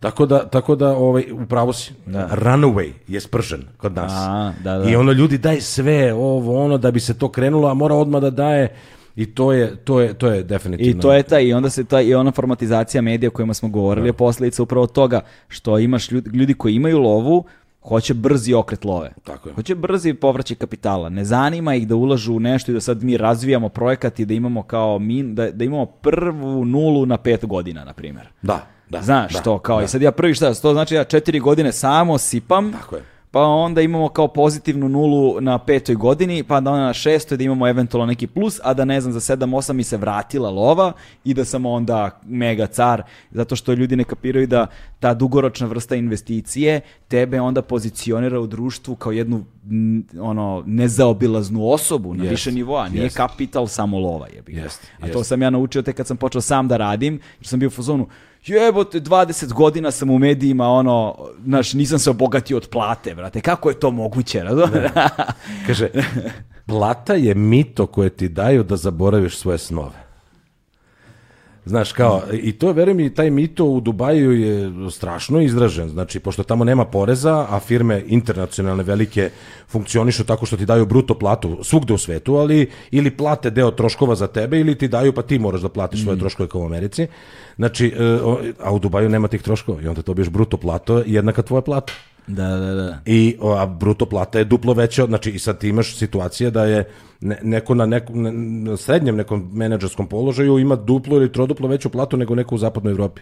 Da. Plate su gigantske, ali to je opet na neki način, ja znam mnogo ljudi koji su došli do neviđenih poz- pozicija čak i u Dubaju ili, ili gde god u svetu, ali nisu izrazili sebe, nisu dali, ni- nisu se pronašli u tome. Ja imam drugara koji mi otvoreno kaže ja mrzim ono što, ne ne volim, ja mrzim ono što radim, ali mi ide i plaćaju me za to ogromne pare, znači meni je to, meni je to užas, užasava- uz, užas, užasavajuće. Užasavajuće, da. i. To je, i, to, je, to, tome smo isto pričali o Nomad, kažem, a, 99% prijatelja koji kada sednete na kafu i pričate, ne znam, o životu, o poslu, ovome, onome, kad god se dotakne teme posla, ljudi su u fazonu, Ovako, to je prva, Da, da, da, prva, da, da. prva tipična rečenica u Srbiji kada se priča o poslu. Brate, mora se prave neke pare. znači, to je rečenica. Znači, ljudi odmah počinju, odmah konstruišu čime ću da se bavim u zavisnosti od toga da li će to da mi donese lovu, a ne da li ću da se bavim onime čime volim da se bavim, pa da vidim kako to može da nam donese pare. Da, da, ono, ono što znaš, ono što uh, ovaj, voliš, jer pazi, uh, sa- i sam znaš, preduzetnički biznis ne da nije uvek lak, nego je često težak. Da. Više nego sladak. I tu nema drame. Ali kad radiš nešto što voliš, ta teška vremena ćeš lakše pregurati zato što daješ uh, neki, zato ja kažem, jeste ono naslov te konferencije, pod naslov te konferencije na kojoj smo ti ja bili bio uh, pain and gain. Da, da. Kao ima pain, ali ima i gain, ne misli se samo na novac, nego na uopšte sve, sve što je zadovoljstvo. Onda se pitaš čemu sve to? Da. I onda ja shvatim, jebote, pa ja sam hedonista, ja radim ono što volim. Da. Ja uživam u onome što radim, što inoviram, što je drugačije i, i evo ne napušta me od 92. godine Radio Pingvina. Da, e, a reci mi, u kom trenutku odlaziš u Dubaj? I, ka, I kako si se uopšte odlučio za Dubaj? Kako je cela ta priča izgledala? Pa ne, veoma jednostavno. ovaj, što ste otišli u Dubaj? Jer sam tako bio u mogućnosti. ovaj, e, e, pa imao sam, imao sam, e, kretao sam iznova e, taj neki biznis i kre, već su krenuli neki projekti, ali opet sam osetio taj miris neizvesnosti koji nosi e, biznis u Srbiji. E, ok, imamo ovaj projekat, ali šta dalje? Znaš, kao, ovaj projekat će da traje do kraja marta, a šta ćemo onda, znaš, a, onda kad dođe mart, onda šta ćemo, znaš, i tako se nešto mi nisam uspeo da napravim neki kontinuitet. Ne kažem da je nemoguće, i, i moguće, i ima ljudi koji su uspeli, ja nisam uspeo. I ove, sasvim slučajno srećem jednu drugaricu e, Minu ovaj, Karić na, na ovaj, proslavi neko i ona kaže, e, kaže, ovaj, kako si ti, kako žena, deca, rekao, dobro, sve, kako posao, pa rekao, kao u Srbiji od danas, kaže, ona je u tom trenutku u Dubaju radi, I ja kažem, kaže ona, a što ne probaš u Dubaju? Evo, procvat u Dubaju, 2013. godina, prošla kriza, o, o, izabrani su za Expo 2020, koji, se sad, koji sad ove godine. Ovaj, to su velike stvari, infrastruktura, sve, ono, baš polet neki. Kaže, evo moj drugar Veljko Vasić, kaže, ovaj, ide ovaj, 17. oktobra 2013. dolazi. Ja bukvalno u tom razgovoru kažem, idem ja. I ona mislila da se ja zezam i Veljko je mislio da se ja zezam koga sam tada upoznao, ali Veljko i ja smo otišli 17. oktobra zajedno i evo do dana danas smo evo, ovaj, da kažem u kontaktu, on je među vremenu otišao u Singapur da živi pre tri godine, ovaj, ali razvijamo naše biznise, u Dubaju, kasnije se i Vuk pridružio, pa sad Vuk i ja u Dubaju, a on, i sad svako ima svoj biznis ali nekako prolazimo kroz iste dečije bolesti, ista stazrevanje i tako dalje. Znači, razlog odlaska je neposredan povod je taj poziv, a razlog ostanka u Dubaju je upravo to što sam vidio te neke more mogućnosti.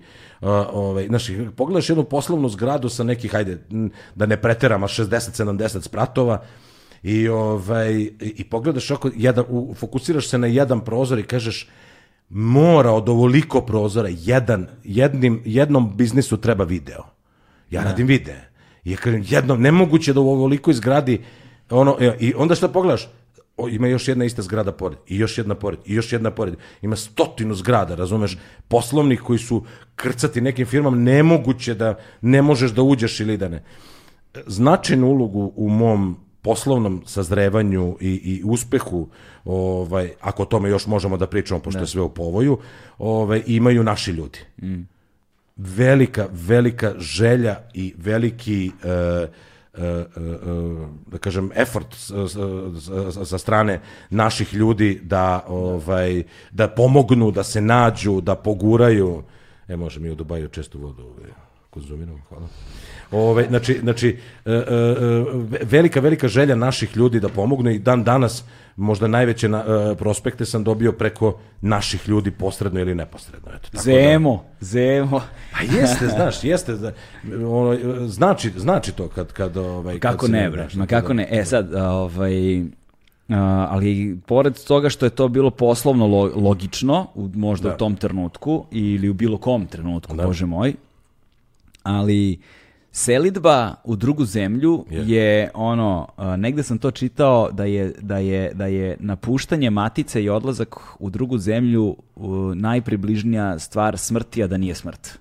Kao u životu jednog čoveka. Jer da. ti zapravo Jeste. ceo jedan život koji se sač- sačinjava od drugih ljudi, od tvoj, tvog identiteta, od svega što sa, je satkano u tebe kao čoveka koji si danas, ostavljaš iza sebe Jeste. i kreiraš od nule praktično iz početka na jednom sasvim drugom mestu. Ti bukvalno počinješ novi život. Tako. Ove, I taj jedan stari ostavljaš iza sebe kojeg ljudi vrlo često ne mogu ni da se uh, oslobode i možda nije ni prirodno da ga se oslobode i onda postoji ta večita želja za maticom, večita želja za uh, mestima, prostorima, stvarima uz koje si odrastao i koje ti verovatno nedostaju i ono i kada budeš prihvaćen u drugoj zemlji i postaneš ono najuvaženiji član tog društva, opet legneš uveče i sanjaš na maternjem jeziku, jebi ga, znaš. I onda nekako Ovaj, mnogi, ljudi, na- mnogi ljudi vrlo često i u poznim godinama koji su proveli cele živote u inostranstvu pokušavaju da se vrate i da onda, ne znam, ono, po poslednje dane provedu tamo gde su se rodili i šta ti ja znam.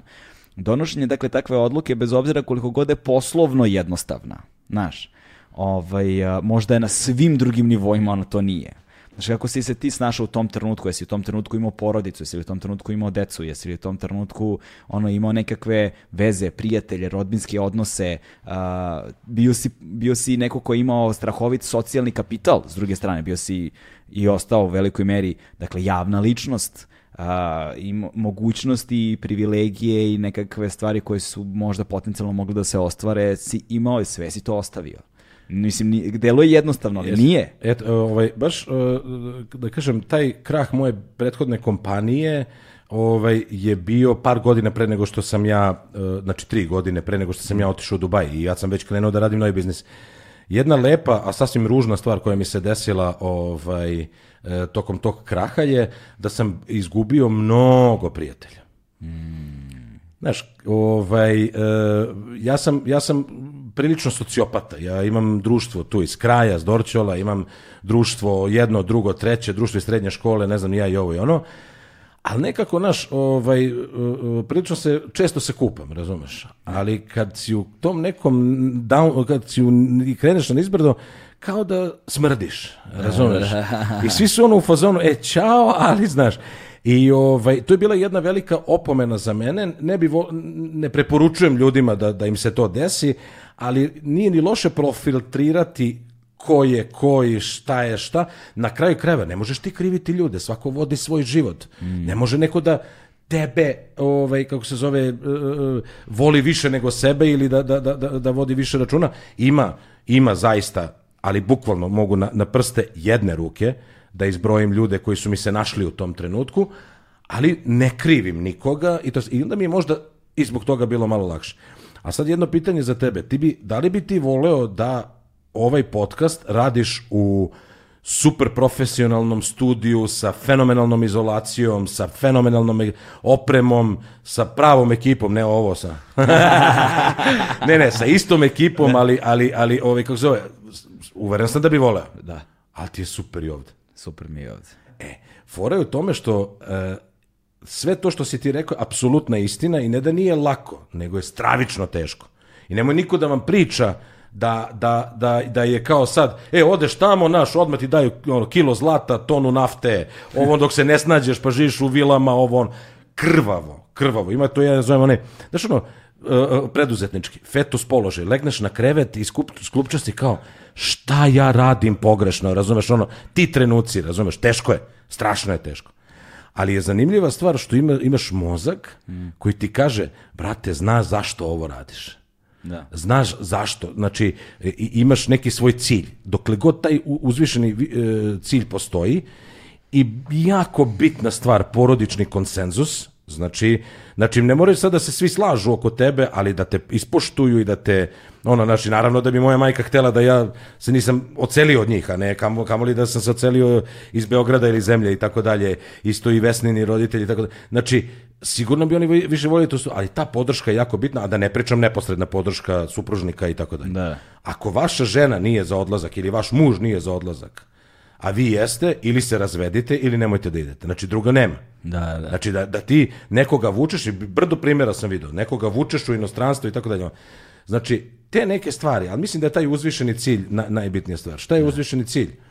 Da radiš ono što voliš, na način na koji misliš da najbolje znaš, da napreduješ stalno u, u, što- u, tome što radiš i da osjećaš da zavisiš od sebe, a ne od nekih okolnosti na koje ne možeš da utičeš. I to je, jedna, to je jedan fenomenalan osjećaj dodatno u Dubaju, pošto je Dubaj neka kao alfa metropola, znači jedna od deset najpoželjnijih mesta za život, a oni su sad napravili ovaj kampanju do 2040. da bude najpoželjnije mesto za život i svako ko nije bio, ja pozivam, znači ono stvarno Nisam, je, ni- nisam nikad evo, bio. pozivam te da dođeš, da, da mi budeš gost u podcastu mom. Imamo isto Shure SM7B. Savršeno. MK2. ovaj, e, e, znači, znači jedno, jedno stvarno, stvarno savršeno mesto za život. Nema kriminala. Što kaže e, šejh, e, šejh Mohamed bin Rashid Al Maktoum, on je vladar Dubaja, on kaže, e, dajte ljudima u svojoj knjizi Flashes of Thoughts, koja je fenomenalna, kaže, dajte ljudima sigurnost i mogućnost da zarade i oni će, ono, njima, njima će to doneti sreću. Da. A ovde su mogućnosti neviđene, ne samo u Dubaju, nego i u regionu, jer je e, Du- Dubaj e, hub regiona Mina, taj Middle East North Afrika, koji je 350 miliona stanovnika i centrale mnogih firmi su u Dubaju, a da ne pričam da do maltene svake tačke u svetu imate e, e, liniju bez presedanja. Da, direktne leto. Direktne letove. Znači, e, e, e, teško je, stravično je teško, viši cilj i e, Pazi, s jedne, mogućnosti s, koje je- se s jedne strane u Dubaju nema poreza. Ali s druge strane u Dubaju ako bankrotiraš ideš u zatvor. Jeste. Jeste. Ja sam rekao, da, da, ja sam rekao ovaj, supruzi moje, rekao, znaš šta, ja sve, i, i ovde sam se trudio da radim sve legalno i sve, i tamo se trudim, ali nikad ne znaš, razumeš, ko, rekao, ako, ako te jednom budem pozvao, samo, znaš, ovaj, i da, ako izdaš ček bez pokrića, što je opet dobra stvar, jer postoji nešto što se zove purchase order, to je, ne znam, kad ti neko potvrdi tvoju, ti mu daš ponudu, on ti ispiše taj legal purchase order, LPO. Znači, ovaj, kad ti to izda, to je kao da ti platio pare. Može da bude Bog otac, može da bude i državna firma, i ova firma, i ona firma. Kad ti to izda, znaš da će ti platiti. A to svi izdaju na početku saradnje. Može malo, ni, ni, pazi, nigde nije savršeno, da se razumemo, znači, Jasno. ali, ali, ovaj, ali dokle god, evo, evo jedna priča našeg, mog dragog prijatelja Miće, Mić Senik, uh, ovaj, jedan fenomenalan lik koga sam upoznao ovaj, na početku moje karijere u Dubaju, snimatelj. I Srbin snimate, rekao daj da probam sa njim, i on je na početku, ja sam na početku, daj da probam sa njim. On ode na snimanje, snimi nešto, ja pogledam snimke, jevo, znači BBC čoveče, znači ono ludak, ludak potpuni ono, znaš. I ovaj, e, radio je na nekoj televiziji tamo. I televizija je deo nekog konglomerata, nešto ne znam ni ja i ovo. I, ne, I on teo da ode iz firme, oni mu nisu dali jer im je bio suviše vredan, ali neće da mu daju pasoš muzali što je zabranjeno i tako dalje. tako. Čovjek je otišao, pazi, neki Mića, je, on, Mića iz Srbije, Mića, brat Mića. Ovaj, e, e, kako se zove, dođe u labor office i požali se. Zakažu mu za nedelju dana, znači to ti je kao neki uh, zavod za zapošljavanje, recimo, Da, da. zavod za zaštitu radnika, zavod za zaštitu radnika. I pozovu oni firmu i pozovu oni Miću. I Mića sedne s ove strane, advokat firme s ove strane i sede, uh, sedi čovjek iz uh, Posloda, zavoda. poslodavac. Da, poslodavac je s ove strane, Mića s ove strane, a iz zavoda čovjek Aha. sedi s druge strane. Otprilike kao neki mini sud, tako Da, nešto, da, znaš, da. ono, kao, nije, nije Kao, kao, parnica. kao ročište. E, da, da, da. Pretres ono. Da. I čovjek, i sad, i sad pazi, ko je Mića, ako ovo neki konglomerat, razumeš, neka firmetina, razumeš koja stoji. I kaže, i kaže, ovaj, i ovaj Arapi, kaže, taj što, što je zavoda, kaže, slušajte, kompaniji, kaže, e, vi možete da mu prete to, vratite mu pasoš, što nemate pravo da radite, isplatite mu dve plate, kaže, ako hoćeš da ih tužiš za treću platu, to će malo da potraje, on kaže, neću, dobro, sutra u 10 ujutru ga zovu, dali mu pasoš, dali mu plate i pustili ga. da Da. autoritet države, zaštita države je nešto, znaš, ti kad iznajmljuješ stan, znaš kakav je ugovor? Ovako ima veliki crveni pečat preko njega, not negotiable. Znači, nema pregovora sa ovim. Ovo je država propisala šta ide, kako ide vlasnik stana, šta mora da radi, šta mora stanar da radi i tako dalje i tako dalje. I nema zajebanci, znači ozbiljan, ozbiljan ono zaštita i tako se osjećaš. Znači ne, nemaš ono ovaj e, e, baš se osjećaš zaštićeno. eto, To je to je Da. stvarno fenomenalna stvar. I sada, ovaj, e, kako je izgledao prvi dan u Dubaju? Pa ja bi ti pre ispričao o prvoj godini. Ajde, slušam. Teško, brate. A to, to me zanima, znaš, zanima me, znaš zbog čega? Um, uh, ja si mislio se prvi kad ti sledneš u avion da si sve rešio. da si sve rešio, između ostalog, ali, da ali nego- a, a, a, postoje ono dve, dve, dve strane i, i to me sad sve, ono, puno, baš me zanima. S jedne strane imamo ogroman broj slušalaca u dijaspori, Ovaj, to je jedna stvar i njima znače mnogo ovakve priče, ali mnogo znači priče našima ovde koji, koji ili razmišljaju da odu ili Jeste, se pitaju kako jeste. je drugima koji su Jeste, otišli ili možda razmišljaju da ostanu ili šta god. Mislim, to je nažalost u okolnostima u kojima mi živimo strahovito aktuelna tema i ovaj jedna od ono tri najvažnije teme barem kada su kada smo mi u pitanju ono globalno posmatrano dve najvažnije teme koje su i ovde strašno važne su ono zaštita životne sredine i mentalno zdravlje. To su dve ono ono ogromne teme globalno posmatrano ali na lokalu. Treća tema je odliv mozgova svakako ovaj ljudi koji napuštaju zemlju i mislim broj ljudi koji napušta Srbiju da još uvijek nismo ni članica Evropske unije je ono zaprepašćujući što govori o tome da ono sutra kada bi smo postali članica EU ono pola države bi samo otišlo Nek zadnji ugasi svetlo. nek zadnji ugasi svetlo, razumeš? Posebno kad govorimo o mladima, Da. posebno kad govorimo o nekim ljudima koji imaju bilo kakvu vrstu perspektive, obrazovanja, neki, ne, ne, nečega sa čime bi mogli da odu negde preko. U svakom slučaju, ali stvari nikada nisu tako crno-bele i onda postoje ono kako je izgledalo kad si došao, kako je izgledala prva godina, kako je izgledala ono prvih pet godina, znaš, nisu, nisu iste stvari, znaš, kako je izgledalo, na primjer, prvi povratak nazad u Beograd ili nazad u Srbiju, jer mnogi ljudi kada odu nedostaje im nešto i onda imaju romantizaciju sećanja, onda kad se vrate shvate, u jebota sam ga romantizovao. Znaš, Što kaže Minić, što je Minić rekao, kaže, svi vole da dođu u cirkus, ali ne bi, niko ne bi volio da živi u cirkusu. Niko ne, pa to da, niko ne bi da živi u cirkusu između ostalog i onda postoje te relacije, to je dvosmerna ulica prosto, postoje te relacije kako odavde ljudi posmatraju preko, kako ljudi od preko posmatraju ovde, ali ti si neko ko je sve vreme i ovde i tamo na, na neki način i onda me ta vrsta perspektive, specijalne pozicije u kojoj se ti nalaziš, recimo iskustvo koje ja nemam, zanima. Tako da, ajde, kako je izgledala prva godina odlaska u Dubaju? Od temperature, hrane, uh, šerijata, Da. alkohola, Da. halala do, ne znam, Da. ono, naš... E, pa, pa evo prvo, prvo da, da zaista pozdravim sve ljude koji te gledaju u dijaspori, ovaj, ja sam jedan od njih i, i, i volim da gledam tvoj podcast i, i e, e, ja bih samo volio za početak da postavimo jedno, jedno e, stvari na, na, na svoje mesto. E, ja ne bi u u 20 e, odlazak u Ameriku 900, 1920. godine Da. je bio, znači odlaziš, nikad te više nećemo videti, jednom mesečno će da eventualno stižu tvoja pisma i Da. to je to. U 21. veku svet je postao mnogo manji. Ja kao geograf mogu da vam kažem da nije, isto je obim zemlje i tako dalje. Ali, I okrugla je. I okrugla je. Jel jeste, čekaj? A zašto mi nikad ne vidimo? Idemo flat earth Čoveče. Ove, A možda, a možda je ko krofana, ima rupu u sredini. Ja, mm, krofna, nisam te čuo dalje. Dobro. ovaj, e, svet je postao jedno, e, e, ano, što kažeš, globalno selo. Znači, ali, ali što hoću kažem, vi, sad, evo sad ima Vizer, recimo poziv za sve ljude da posete Dubaj, ima Vizer 100-150 dolara povratna karta do Abu Dabija i dođete u Emirate.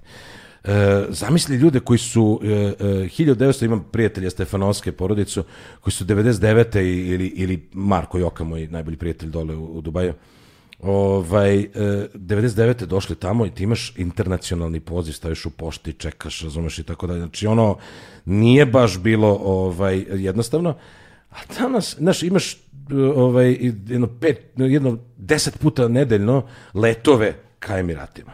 Znači, možeš danas da se spakuješ, da odeš, ja sam dolazio ovde na 24 sata. Završim nešto, potpišem, ne znam šta. Ja sam dolazio ovde na 24 sata. Znači, nije to toliko daleko. Ti sada sedneš na autobus do Stare planine 5 sati. Isto ti toliko leti avion do, do Dubaja. Ovaj, nešto malo skuplja karta, ali dostupno je i može da se leti. Znači, ja bi samo da demistifikujemo to odliv mozgova. Pa kao da je, ne znam, naš, nekako ko da su, da smo svi koji smo otišli izdajnici. Znaš, ono, ne izdajnici, nego kao, E, kao to je, ma nije ljudi, idite, sedite bre avion, probajte, ne, tamo imamo sad vize ovaj, na tri meseca, ovaj, e, znači bezvizni režim imamo sa njima, odnosno... 90 dana lagano samo s pasošem. U- Samo s pasošem lupe ti vizu na, na ulasku, tri meseca možda, znači možda prođeš i na šest meseci. Dođi, sedi, probaj da nađeš posao, vidi kako ideš, šta kako funkcioniše, ne smeš da radiš sa tom turističkom vizom, ali to je veoma, veoma lako rešiti. Znači, nije to neki ne znam ja šta. I ono što sam ti pričao malo pre, znači, ja imam neki svoj cilj, ja znam zašto sam otišao tamo i imam taj neki potencijal koji želim da iskoristim i zato sam otišao tamo. E, I druga stvar što se tiče dijaspore, e, čitao sam skoro da je o, ovaj, e, ukupna ulaganja u Srbiju od početka o, o, in, e, zapadnih investicija do danas, 3 milijarde otprilike e, je uloženo u Srbiju za ovih nekih 20 i 30 godina. Znaš koliko dijaspora pošalje u Srbiju novca svake godine? Zvaničnim kanalima 3 milijarde. Stvarno. Znači za jednu godinu koliko je stranih investicija bilo u, u, u roku od 20 ili 30 godina. Uh, svake godine zvanično 3 milijarde. Šta je nezvanično? Nezvanično je, evo, ostalo mi 200 dolara ovaj, kako se zove u novčaniku, ja sam ponao tih 200, to je nezvanično, znači ono u džepu neko, a pazi, ti možeš da uneseš u zemlju do 10.000 dolara da ih ne prijaviš. Da. Koliko ljudi ulazi, znaš, kad dođe neko, nije bio duže u Srbiji ili ne znam, treba ko će kupi stan neki ovo ono, pa idu njih dvoje, troje, pa podale po 20-30 hiljada donesu. Znači, nezvanični... Te, kan- tetka iz Kanade pošalje. Da, E, to su, to su neke stvari u koje ne vidimo. ovaj, e, e, e, kako se zove, znači, nezvaničnim kanalima između 7 i 10 milijardi remiten, znači ta remitenca, odnosno ula- ulazak e, e, ovaj, e, kapitala od strane naše dijaspore. A moram da ti kažem da se kao član dijaspore ovaj, ne osjećam uključen u, u neke, da kažem, Procese. procese ili sisteme i tako dalje. Znači, činjenica, ali moram da ti kažem da nemam nostalgiju. Fale mi tata, mama, fali mi sestra, fali mi dragi prijatelji, kumovi i tako dalje, ali e, e, ne znam zašto i kako obožavam da dođem. Evo sad sam vezao i haj, sad ću da vežem ono čvarak od mesec dana da. vremena. Ovaj volim da dođem i tako dalje, ali nisam onog jao jedva čekam kad ću, ne, moram da idem, znaš kao e, mislim da ova dijaspora koja je bliže Austrija, Nemačka, oni mogu do, dođu kolima. Da. I oni ono što ono dođu vikendom, ne znam ja ovo. Mi smo stvarno nekako otišli tamo. Nis, mi nismo na, na to je pola puta. Mislim da je da je da je malo možda drugačiji e, e, profil da kažem e, dijaspore ovaj, u Emiratima. Ali generalno e, ovaj e, naši ljudi, mislim kogod, da imaš be te tehnologije, čoče, ja, ja sad kad se vidim sa tatom i mamom, znaš, ono, nije ono kao, e, de si, nije te bilo sto godina. Svaki dan smo na telefonu, nekom imamo one aplikacije za, za, za ono video, idemo, znaš, ono, oni tačno znaju sve što se dešava u našim životima, imamo neku WhatsApp grupu za celu porodicu, pa je stalno šta, svaki dan deset slika im se pošalje, razumeš, i, Da. i tako smo u kontaktu, tako da taj odlazak nije bauk. Nisam još ni krenuo da odgovoram na tvoje pitanje, ali Nema veze, hoću kažem, hoću kažem nije. A sa druge strane, kako mi je bilo prvi godinu dana? Znači, to je pakao. Ali pakao za počinjanje novog biznisa u mestu u kome nikom, nikoga ne znaš.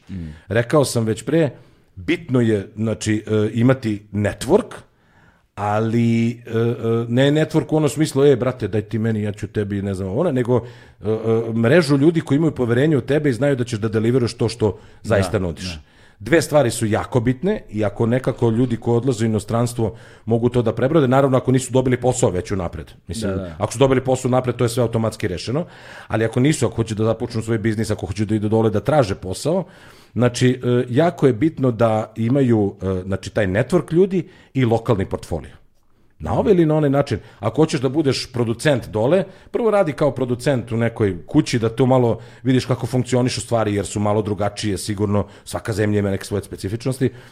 I to sve. Ja sam golobrad i golorog krenuo na, na, na, na, na e, znatno jačeg neprijatelja, pa mi je trebalo prvih godinu dana da dobijem smisleni neki projekat i posao. I on je došao od naših ljudi. Kako si živeo od prvih godinu dana? Teško. Teško. Delio sam gajbu sa Veljkom i Vukom, što je poseban pakao. ne bi o tome. Šali se, ne, ne, ne. Oni su mladi momci koji su strašno imali respekta prema ovaj, mojim godinama i, i ovaj, stvarno jed- jedni druge smo gurali dan danas jedni druge Koliko guramo. si godina imao kad si otišao?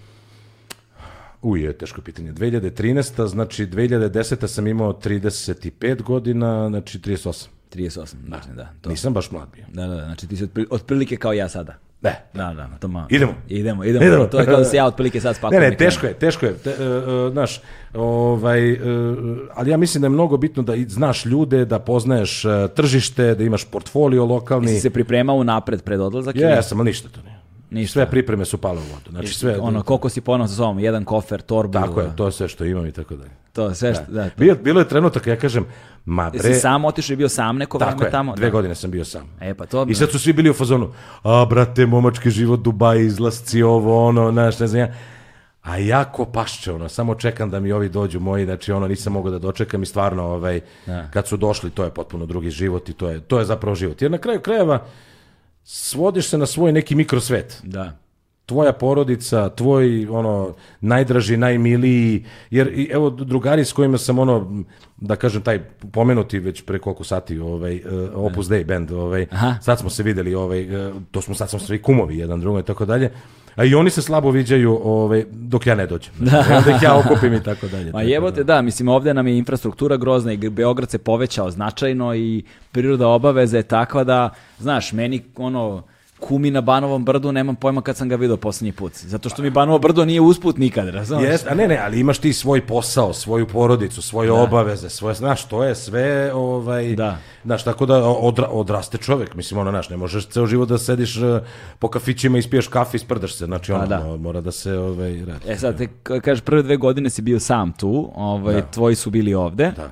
A, on, tebi su sada i kao žena i deca u, U Emiratima, u, Emira- jest, u Emiratima jest, krenuli u jest, školu tamo. Kako izgleda ceo taj proces tranzicije, um, prilagođavanja, kako izgleda škola u Emiratima, znaš, nemam pojma, ono, ne znam ništa. Evo, znaš, daj, daj mi što više slika iz života, generalno. Pazi, prvo, prvo, eh, prvu stvar koju ćeš da primetiš ti, koju sam primetio ja, moja supruga, moji prijatelji koji dođu, je jedna neviđena opuštenost kod naših, a i uopšte generalno ljudi u Dubaju. Znači, stvarno nema tenzije, stvarno je ono, inšalah, znaš, ono, polako, razumeš, guramo, razumeš, ja se... I ovaj, lagane teme, lagane priče i tako dalje. Svako ima svoje probleme, svako gura neki, neki svoj onaj kamen uzbrdo, razumeš, onaj, i to sve, ali ovaj generalno je e, lep, lep, jako lep život. Tamo pogotovo kažem, mislim ističem jednu jako bit, tu bitnu stvar je sigurnost. Znači nema kriminala, nema droge, nema, znači ono stvarno je kad kažem nema kriminala, nema džeparenja, kamoli bilo kog drugog. Znači ono, mi, mi, ono ideš na sastanak, ostaviš laptop na zadnjem sedištu auta, znaš da, da ga niko ne, neće Ali ni to što pogledati. nema droge nije nužno prednost.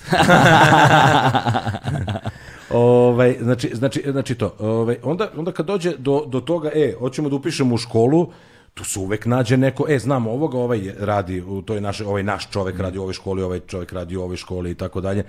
Znači, on- onda skupljaš, znaš, ono iskustva i, i ono, škola u koju idu moji, ovaj, mi smo negde, ajde, mi smo, niti smo, niti smo najjeftinija škola, ali, ali ima daleko, daleko, tri puta, četiri puta skuplji škola od, od, ovoj koju smo mi. Aha, tamo nema državnih škola. Da, ima, ali to, to idu lokalna deca, znači, ovaj, ali, ali i ta državne su po engleskom principu, znači engleski američki IB sistem, ima i nemačka škola, ima i švajcarska škola, ima i ruska škola, ali ove, većina škola su neki taj ili engleski kurikulum ili američki kurikulum, škola izgleda kao hotel, ono, ovaj, e, sa pet zvezdica, znači on stvarno je staklo, mermer, nešto ovo, ono, ludilo, ali ne nužno, ja ne znam, možda se mi nismo prešaltali na taj način i, e, i sistem učenja, ja nekako mislim da su naše škole bolje.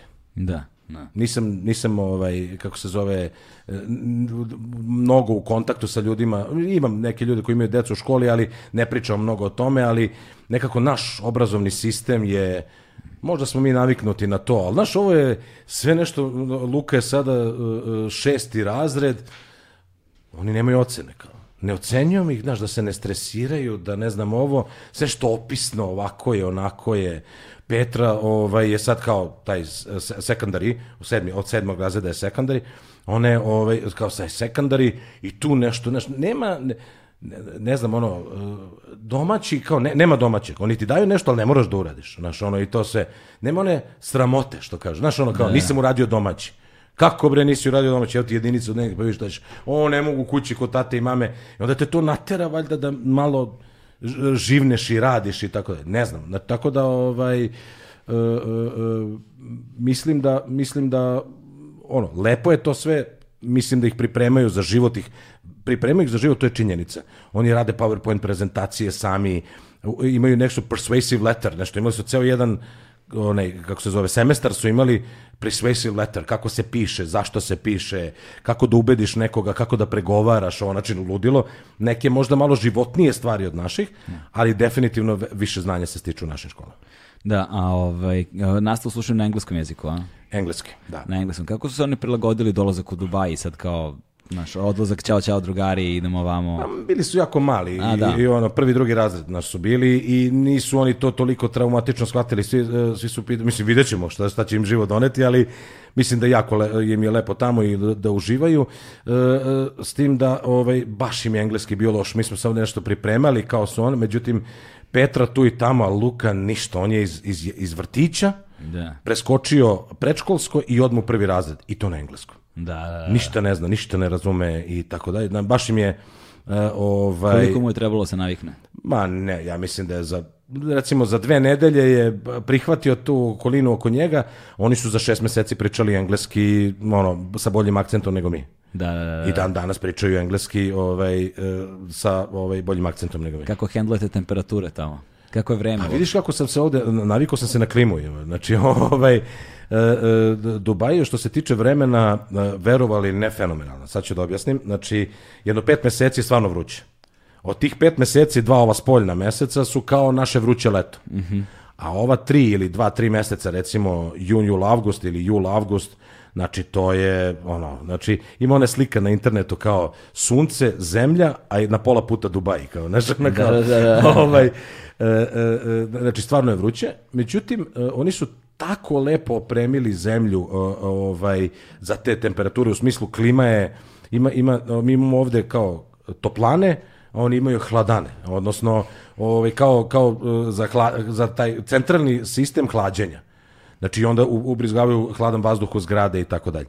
Ovaj, e, a ovo ostalo, znači tih sedam meseci je ono hladnije leto i proleće, znači imaš jedno četiri meseca proleće. Znači to ti je novembar, decembar, Januar. januar, februar, znači to je, pazi, mi imamo, imamo snimak, znači mi imamo one prsluke, one fatirane, znaš ono, ovaj, ne možeš da sediš ti na polju, a da, da, ti, da ti nije hladno. Znači duks debeli i taj ovaj prsluk, što će reći da temperatura pada noću ispod eh, 10 stepeni, recimo, što je fino, prijatno, znači ono i preko dana zna da bude recimo 20 stepeni, to je neka zima, eto, tako da, Da. fenomenalno. Ja nemam, ja nemam ovaj jakne, mislim, ono, to mi stoji ovde. To, a, ovaj, a no, noćni život i izlasci, mislim, ipak je šerijat tamo, znaš, je tako? Pa jeste, ali je Dubaj metropola. Da. I ovaj, e, postoje te la, liquor license e, za hotele i onda su svi klubovi zapravo u hotelima. Aha, aha, aha, da. I ti imaš svega. Znači to stvarno ne, ne manjka, e, prilično skup alkohol. Znači e, pivo je 10-12 eura recimo uobičajeno, 10-15 eura, znači uobičajeno. Ovaj, Znači, nema napijanja u Dubaju. ono, sa suprugom za godišnjicu po pivo. da, da podelimo. ovaj, ne, ne, ima, ima, ima tih alkohol, radnji sa alkoholom i, i to se, ovaj, e, e, imaš svoju dozvolu, jedno, godišnje se ono, ma to je pro- ono, formalnost ono, ali ti je recimo, ovaj, liquor license ti je nekih 40 dolara za celu godinu i onda kupuješ u tim prodavnicama najnormalnije. Imam.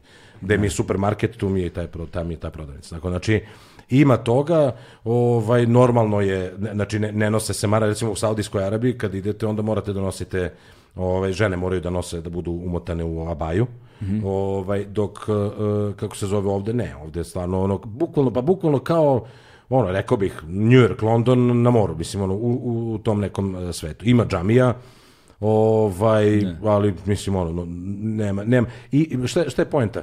Kad kaže metropola, u Dubaju, odnosno u Emiratima, živi 202, preko 200 nacionalnosti. 200 nacionalnosti. Pa ja ne znam na brojem, znači 200 nacionalnosti. To ko Holandija. Tu najgora stvar, znači to, to, to te odmah nauče i poduče svi, da možeš da nekoga nešto uvrediš na, racion, na, na, na nacionalnoj osnovi, na, na, na religijskoj ili i osnovi, to nik, to svi sve poštuju, znači ti imaš Induse i Pakistance koji se ne podnose kad su u Indiji i u Pakistanu, ali tamo, znači, rade zajedno, sarađuju, razumeš, tako dalje. I stvarno ja met, met, metro, met, duh metropole da. ovaj provejava celim Koliko stanovnika tamo ima? Pa u Dubaju nešto više od 3 miliona, u Emiratima 10 miliona, od kojih je samo 17% lokalno stanovništvo. Uje. 83% su ekspati, odnosno došljaci. Aha, mi došljaci. Kolika je naša zajednica tamo? Pa naših ima oko 10.000, ovaj, mi imamo i portal namenjen eksiju populaciji, ovaj, se naš, biro, našbiro.com, imamo band, eksiju poprok eh, band eh, Vesela mašina, postoji i, e, to je, to je pop rock, Da. a postoji i narodnjački bend, Ovaj, oni se e, zovu Zadnji dirham. Ja. Zadnji dirham se zove taj, taj žurka koju prave, ja mislim da se oni isto zovu Zadnji dirham. I ovaj, ima, znači... Ili ima je- neki metal band. E, ima. A. Ima, ima, ima, e, i zove se Maiden Arabia, zvanični Iron Maiden, ako to smatraš pod, me- mislim, ono, ne znam. da, malo- Old school- old school, ali da, da. Ovaj, I baš naš, naš lik koji, koji nama peva u E- u Veselinoj mašini je El- Elvis Garagić, on je producent, tamo ima studio, lud, najbolji na Bliskom istoku, on peva u Maiden Arabia i ovaj, imaš ovaj, tamo. A ne, ali dobro, ali to je cover band, verovatno. Da, da, cover, Maiden, da, ne, da. govorim, ono, autorska muzika me zanima. Nema da. mnogo, nema mnogo. Mislim, ima, ali mislim, ja nisam u To bih Znaš ko je, Dakle, ko je ako recimo... ima dobrih naših metalaca iz Dubaja, molim vas, pošaljite mi neki link da čujem. E, čekaj, čekaj, sad ću da ti pošaljem link i, da, da ga staviš dole. Igor Paspalj, ne znam da si čuo za čoveka. Ne. Čovjek je iz Predora, živo je Abu Dhabiju, svirao u Dubaju. E, proglašen je JTC Gitar, neki magazin, ga je proglasio najboljim gitaristom na svetu prošle godine. Stvarno. Svirao je sa nama u veseloj mašini, imao sam tu čast da delim binu sa njim, a, ovaj, a sada je čovek, znači poslušaj, ono kad budeš čuo, znači čovek, Metalac. Uh, pa svira, brate, ono, znači, da, da, da. Ovaj, predstavnik metalaca iz Zence. ne, ne, Igor je ubica gitare, tako da ovaj, imali smo prilike da ga slušamo i da ovaj, uživamo u njegovoj virtuoznosti. Kad kažeš prve dve godine u Dubaju teško, ovaj, odnosno prva godina posebno, a, kak, mislim, koliko si love tad imao, znaš, ono, imao si taj krah kad je došla svetska ekonomska kriza, znaš, sve to što si zaradio je puklo, otišao si još u minus sa drugim projektima, nisi uspeo da se vratiš na noge na način na koji bi to trebalo s obzirom na zemlju u kojoj si živeo tada, na ove uslove ovde i svi znamo kakve su stvari ovde, pa da ne, ne trošimo vreme na njih. Odlaziš u Dubaj i u tom trenutku imaš li neki kapital sa sobom, imaš li nešto, znaš, mislim... Ne, moj kapital se istrošio kad sam iznajmio gajbu za tih godinu dana i ovaj, sve je moralo da dođe ostalo, e, da kažem, iz posla. I imao sam sreću da sam imao jedan projekat koji mi je omogućio da imam taj neki buffer, ovaj, zato sam se i vratio u Srbiju dva, tri meseca da odradim taj projekat, pa onda da, da odem. I ovaj, e, e, moraš, ali znaš kako, E, ja se sećam tog osjećaja kad je krenuo, to je bio februar mesec, to kad, mi je, kad su krenuli projekti, pa mart, i onda razmišljam, jao, samo da april bude kao mart. E onda u aprilu kao, ju, vidi bolje. E, samo da maj bude kao april. I onda shvatiš da je iz meseca u mesec da kažem sve bolje i bolje, zaista. Znači osjeća se, naravno ne ide to linearno, ide to malo usponi i padovi, ali, ali osjeća se to da taj lokalni portfolio koji praviš ima smisla. Da, Da ako si za nekog uradio nešto dobro, da će neko drugi da pogleda, ili će to onda te preporuči, ili će ovaj drugi da te preporuči. ili će ovaj te zove opet. E, će ovaj, da, e to, recimo ponosni smo, baš sam pomenuo te hladane, Empower, to je najveći, uh, the world's largest district cooling system, znači te, te ovaj, ovaj, eh, hladane, ovaj, mi sa njim radimo šest godina. Šesta godina, znači počeli smo sve videe koji su oni radili, oni ne rade puno, nemaju oni neke, neke ovaj, ne znam kakve promotivne ili komunikacione, ovaj, ali sve videe koji su radili za šest godina mi smo radili. znači to je... Ovaj, um, koje su najbolje stvari u vezi sa ono životom u Dubaju? Ali čekaj, pre toga me zanima, uh, jesi imao možda problem ono sa samim sobom u kontekstu kao na, ega, ne znam, znaš, kao toga kao, da sad te niko ne zna, da da stičeš ponovo te neku, tu neku vrstu socijalnog kapitala, da ti nedostaje možda kao je da sam sad naš u pozicijama Da. u kojima sam bio, pošto ljud, čo- čovjek se na dobro lako navikne jebi ga, znaš. A, a, pa, pa iskreno nije. Re, rekao sam ti na, na, ovaj, e, da, da se ta moja lagana introvertna crta ovaj, pojavljivala ovaj, kako je e, milioner e, krenuo. Ja sam znao gde idem i znao sam da me tamo niko ne zna i ovaj, mada, mada naši, ljudi iz naše, da kažem, dijaspore su me znali i prepoznavali i prepoznaju, ali ali ovaj Ali bilo nije- ono nije kao, oni, oni te znaju, ali te ovde niko ne zna, pa si tu sa njima egal, pa bude malo, a? Kako je, vrate, biti ponovo među plebsom? među radničkom klasom? Ne, to, to, ja mislim da je to uh, uh, i, i biti, uh, biti popularan je gift and a curse. Da. I ti isto poželiš nekad da, da odeš negde da te niko ne prepozna. Nekad, tako? brate. E. Kamo Pa to- sreće da je nekad. Pa to ti, e, onda sam si dao odgovor na moje pitanje. Znači, lepo je, lepo je kad, uh, neš, lepo je kad si, ovaj, ka- kad prepušten si sebi, to si što si, niko nema neka ili o, ne, nerealna očekivanja, niti on, niti ono, nemaš pritisak jednostavno, znaš, ono, odeš i ovaj, radiš ono što radiš, uživaš u tome i meni je to, meni je to blago. Ja, ja, ja radim stvarno stvari koje me ispunjavaju i uživam u tome maksimalno. Da. Ovaj, kada je u pitanju uh, ono, nostalgija u kontekstu, rekao, si, rekao si da je nemaš, ali ne, nedostajanja stvari Srbije ili neka romantizacija sećanja, znaš, koliko zabluda uh, si primetio u svemu tome? Da li ih ima uopšte, koliko ljudi imaju nerealna očekivanja prema matici kada odu jednom iz nje ili, ili se razočaraju kada dođu, ili možda generacije naši koji su sada odrastali u dijaspori, na primjer, i kao um, nemaju iskustvo Srbije, ali im nedostaje. Pa evo sad e, imam primjer ovaj Marko Simons, on je uh, iz mešovitog braka, mama mu je naša Dragana, a Paul, uh, otac je Englez. On je došao ovde da studira i ostao je ovde. Mm -hmm. I ovaj divan dečko, predivan dečko. On je odrastao u Dubaju, rođen i odrastao u Dubaju, da. a evo ga sad živi ovde, ovaj, ne najnormalnije, nego uživa u tome što živi ovde. E, mislim da je stvar e, potencijala u životu, prioriteta u životu, izvinjam se. Znači, prioriteta u životu, šta ti je bitno, kako ti je bitno i tako dalje. E, naravno da ima romantizacija, ali znaš šta, evo iz ovih osam godina koliko sam ja tamo i ovo ovde se promenilo tako da ja ne dolazim u onu Srbiju koja je bila pre osam godina, nego dolazim u ovu neku drugačiju. Koliko se promenilo? Šta se promenilo ovde kada sad recimo ti koji imaš tu vrstu emocionalnog i vremenskog otklona i prostornog otklona primećuješ? Pa možda sam se ja više promenio nego Srbija. Ovaj, kako se zove, ne gledam na, na, na iste stvari. Ja nisam izašao ni jednom od kad mm. sam ovde već deset i više dana, ni jednom nisam izašao sve na pivo s drugarima, znači to se, to se ne ubraja u neki ne znam kakav ludi izlazak, znači ovaj, to, a promenilo se, znaš šta, pa ja, ja vidim da su cene stanova skočile, ja vidim da su ovaj, da postoji neki ovaj infrastruktura se stalno nešto menja, sad tu ima kritike naravno mm. što uređeno ovako, što ono uređeno onako, ali infrastruktura se promenila, onaj taj deo tamo i kod železničke stanice, odnosno taj Beograd na vodi, ne mogu da prepoznam, znači ja ne znam te ulice, to je za mene sve novo. Ovaj i ne znam, o, jednostavno nekako je sad moj život tamo, znaš, i, da. i ovaj, ovde dođem kao gost i uživam i lepo mi je, ali volim i da se vratim tamo. Da. I ima, ima jedna tačka, možda kad si možda 10-15 godina u inostranstvu, ja za sada nemam taj pore, ali, ali znaš, onda počinješ tamo negativno gledati, e, šta vidi ova, šta vidi onda, i onda idealizuješ stvari kao, e, ja se vratim tamo i onda će to da bude super, ali ja predlažem ti ljudima da probaju, da budu, dođu na tri meseca, šest meseci, pa ako nije, znaš, ono, odvikne se čovjek, ne znam, eto, ima da, raznih da, priča. Da, E sada, a šta radiš zapravo ti u Dubaju sada? Video, no, šta? Da, najjednostavnije rečeno video produkciju koja ima nekoliko svojih uh, proizvoda, ovaj, znači imamo pro, uh, servisnu video produkciju, znači mm. gde se trudimo da najnovije trendove u komunikaciji, koristeći video kao komunikaciju, prebacimo na ovaj, uh, uh, interna i biznis, uh, interna i biznis to biznis komunikacija za preduzeća, ajde kažem to.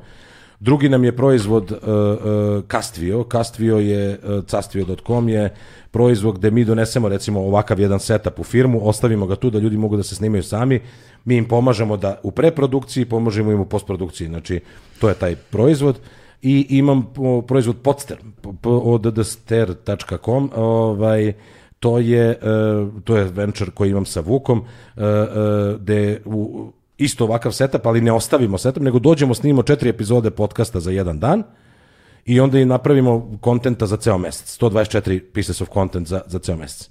Da. I imam jedan novi venture koji je vezan za, za proizvodnju 3D modeling, odnosno za najjeftiniju proizvodnju holograma, da kažem, odnosno za augmented i virtual reality, ali to je nešto tek u povoju i tako. Imam taj portal našbiro.com koji je non-profit, koji želim da postane platforma i radimo na tome da postane platforma za sve naše blogere i vlogere širom sveta da mogu da se nađu na jednom mestu i da uh, ovaj promovišu svoj svoj ovaj mm. sadržaj kako baš kako bi povezali dijasporu sa maticom i dijasporu među dijasporom. Da, ovaj imaš svoj podcast Imamo podcast koji se zove The Change Officer, thechangeofficer.com, gde Vuk i ja smo počeli pre dve godine da ga radimo i sad smo već na dva put nedeljno, jednom nedeljno on, jednom nedeljno ja, dovodimo goste To je biznis podcast. To je podcast koji, e, e, naravno, bilo bi super da ima milion pregleda, ali nije suština u tome, nego je suština u tome da širimo network ljudi sa kojima radimo. Shvatili smo da nam je to najbolji način da proširimo network i tako smo i napravili tu firmu Podster kad smo naš podcast, The Change Officer, upakovali, sredili rekao, ovo može bude usluga za firme i taj podcast nam služi da upoznajemo fenomenalne ljude, zna, toliko inspirativne i toliko mm. ovaj, ljudi od kojih može da se nauči i to nam je ovaj, da. suština našeg podcasta. Um, kako izgleda život naše zajednice zapravo u Dubaju i Emiratima generalno, pošto slika koju ja otprilike imam uh, možda nije reprezentativna zato što se ona svodi ili na prijatelje koji su odlazili da rade kao barmeni ovaj, u, u, u, u lokalima, zato da. što da. i njima teško da on, lokalce ne zapošljavaju se bave alkoholom uglavnom. Da. To je jedna stvar. Uh, i, i on, oni imaju potpuno drugačiji ono sistem života Jest. i nije objektivno, nisu ljudi koji kao baš žive uključeni u zajednicu i drugi su uglavnom stewardese, stewardi nešto ređe, ali stewardese su mahom, koji opet žive... Možeš neke telefone da me koji, koji, obično, koji obično žive opet nekim drugačijim životom, Jest, koji je malo propisan nekim pravilima i ne mešaju se i žive, ne znam... Na. Fenomenalan život za osobu od recimo 25 do 30 godina. Da, da. Stewardess, znači da. steward, stewardess fenomenalan život. Znači, obiđeš ceo svet, spavaš u vrhunskim hotelima, imaš solidnu kintu, mm. uh, živiš u Dubaju, u stvari ne živiš u Dubaju. U Dubaju mm. uživaš, a živiš svugde drugde po svetu. Znači, fenomenalno.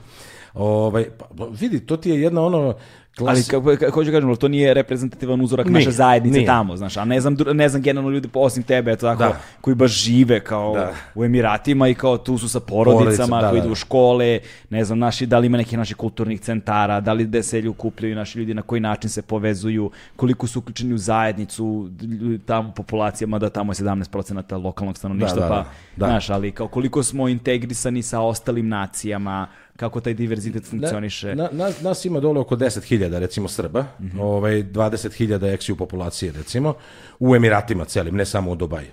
Ovaj prilično smo povezani, postoje Facebook grupe uh, Dubai Serbs i tako dalje koje su ovaj jako aktivne, da ljudi često postavljaju neka pitanja i tako dalje, a mi smo i naš biro pokrenuli da bismo okupili tu neku našu zajednicu.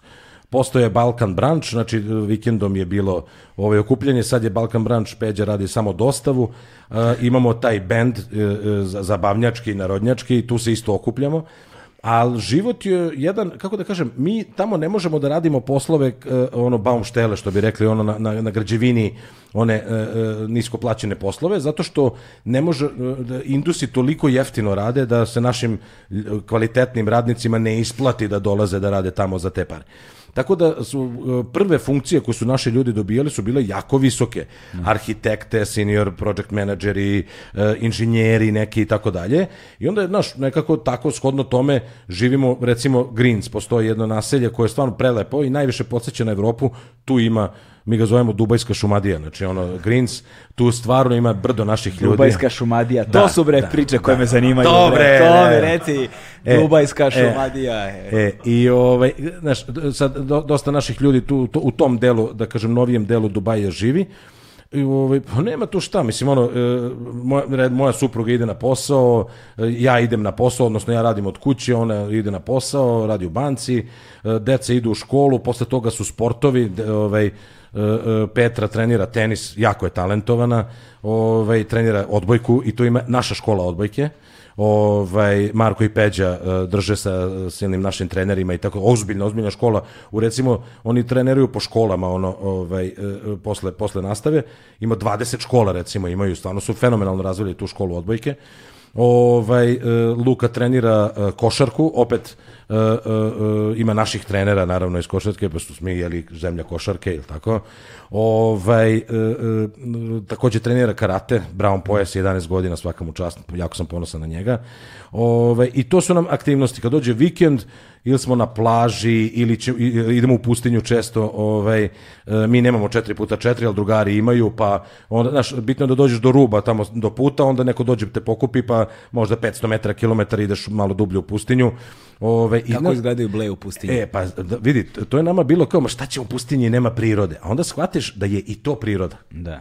I spavali smo u pustinji i, i odemo na roštilj, napravimo, deca se jure po dinama, ovo ono, baš idilično A, nekako. Nije frka od sunca, od vrućinštine pa tamo. Pa nije, zato što to ne radimo kad je vrućinština, nego radimo, znaš kako, mi to radimo zimi i kad padne mrak, kad spržimo imaš da kupiš panjeve, ono, znači, ovaj, na pumpama, znaš, ono kao, ovaj, e, e, kupiš panj i kad spržiš panj moraš da ideš, toliko je hladno, znači, nemaš šanse, znači, da ostaneš, ovaj, u jaknama i sve to. Tako da, ovaj, duksevima ide na jakna.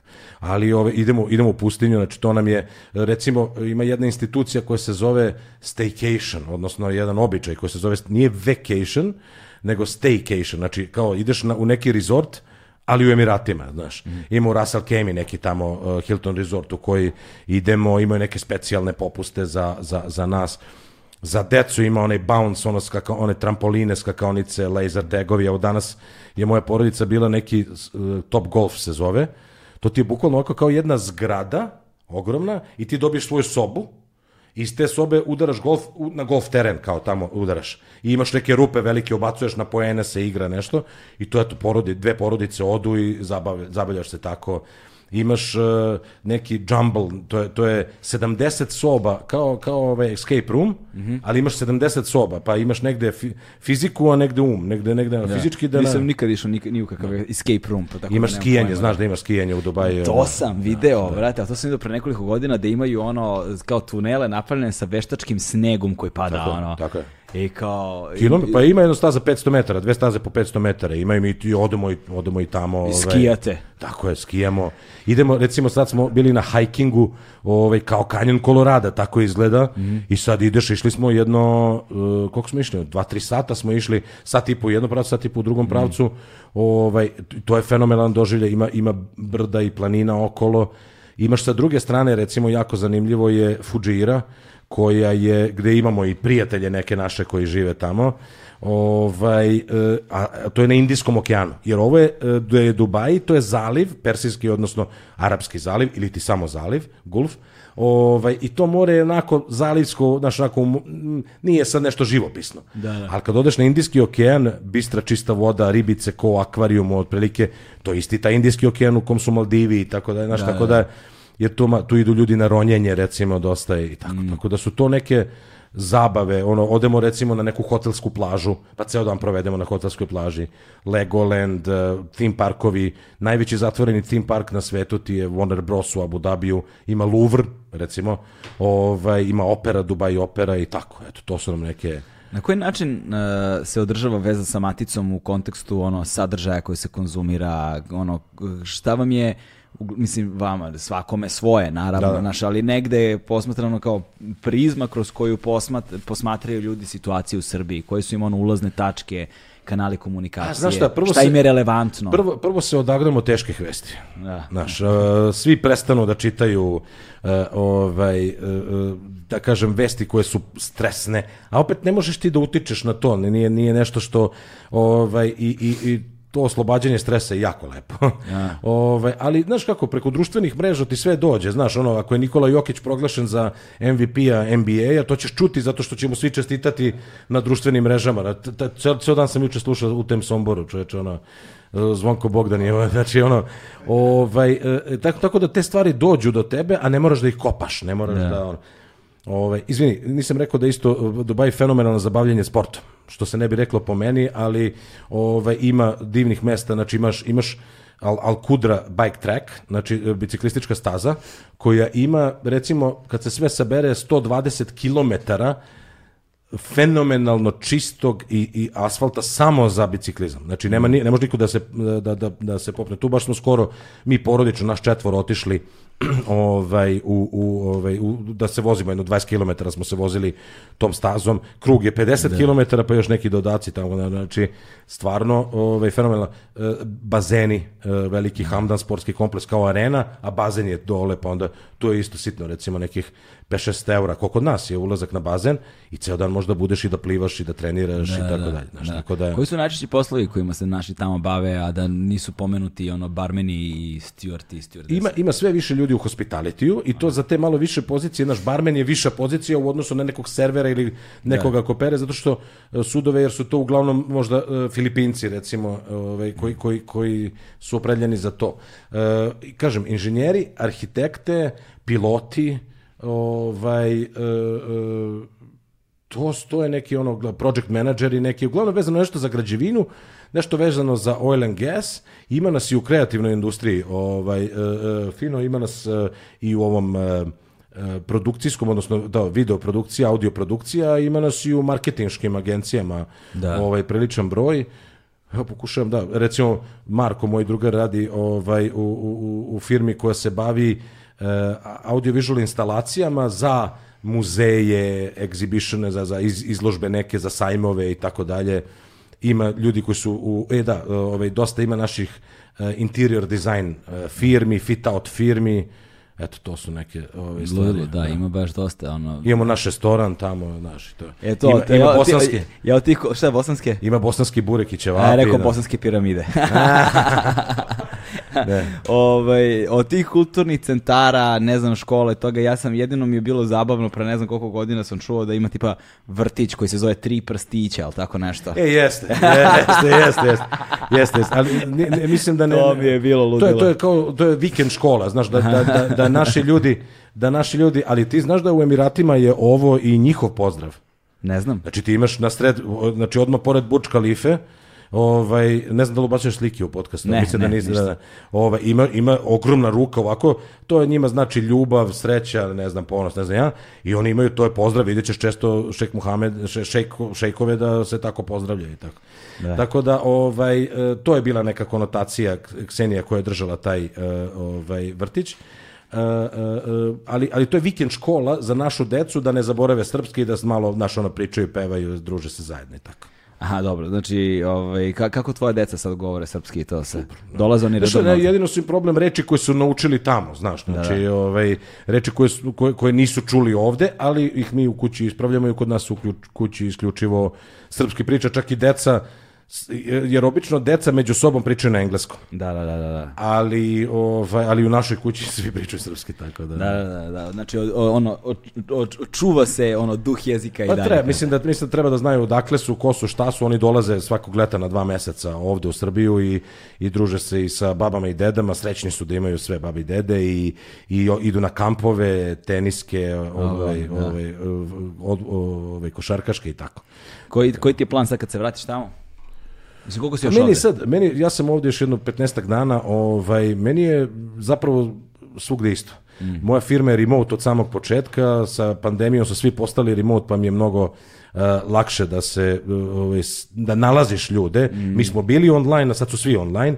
I meni je sve jedno gde radim. Meni je sad bilo bitno ovde da nađem svoj mir i da imam, rekao sam, ovaj, ako ne uspem da nađem to, da, zen, da, da mogu da radim, vratit ću se brzo, ali na, uspeo sam da nađem i ja radim po, po, po, po 5-6 sati recimo dnevno ovde, pa onda ako ostane vremena za nešto, ovaj, onda se i, i družim sa ljudima i to sve. Ali taj, taj digital nomad način života mi se jako sviđa, čak sam bio pričao ovaj, e, kako bi bilo lepo tako da, znaš, ono, odeš na mesec dana na Bali, na Tajland, razumeš, i ono kao radiš, radiš odande, digitalno sve i to sve. Ti bi mogo da snimaš podcast remote, realno. Lepše u studiju, lepše s kamerama, ali možda snimaš podcast gde hoćeš, mislim, znaš. Pa možeš imati da hoćeš, samo treba nađeš goste tamo gde si. Ne moraš i oni će da biti remote. A ne, aj, pa da, ali znaš kako, kada, radim, kada radim remote, to mis, imam ono nekoliko epizoda koje sam radio na taj način, posebno u vreme lockdowna kada, i, o- ili kada radim s ljudima koji imaju kompromitovano zdravlje, ali tako nešto, pa i čak i danas, iako je sad sve mnogo jednostavnije i a, po- ono re- manje restriktivno u odnosu na to kako je bilo, ali prosto ljudi koji su ono rizičnog zdravlja ne mogu da rizikuju, Pa to, jel te? Ovaj, I onda radimo, da, kada se radi na daljinu, izgubi se nešto Tako je.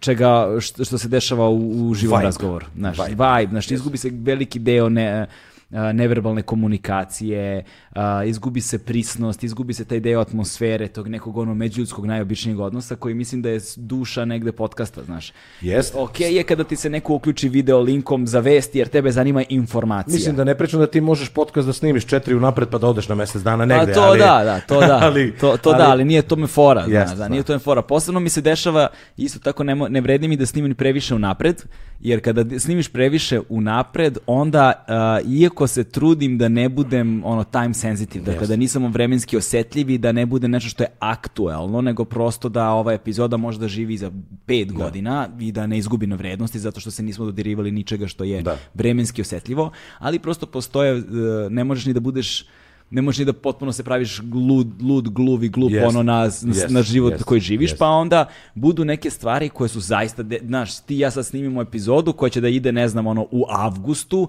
a onda se umeđu A Nikola Jokić postao, ovaj, kako se zove, znaš ono... ne znam, out- ne out- pratim, ne pratim sport naš, ali, ali, ali se desi nešto baš važno i ko mi to ni ne prokomentarišemo, ni tišta. Ili mi se desi, na primjer, s nekim gostom, da kao tu je gost, mi pričamo šta ti ja znam, epizoda se emituje za tri nedelje, a umeđu vremenu se tom gostu desi nešto ogromno Da, da, javno, da, da, da, da, u da. javnosti važno i kao odjednom ide epizoda s tim gostom baš u tom trenutku, ljudi očekuju, mi ne pomenemo.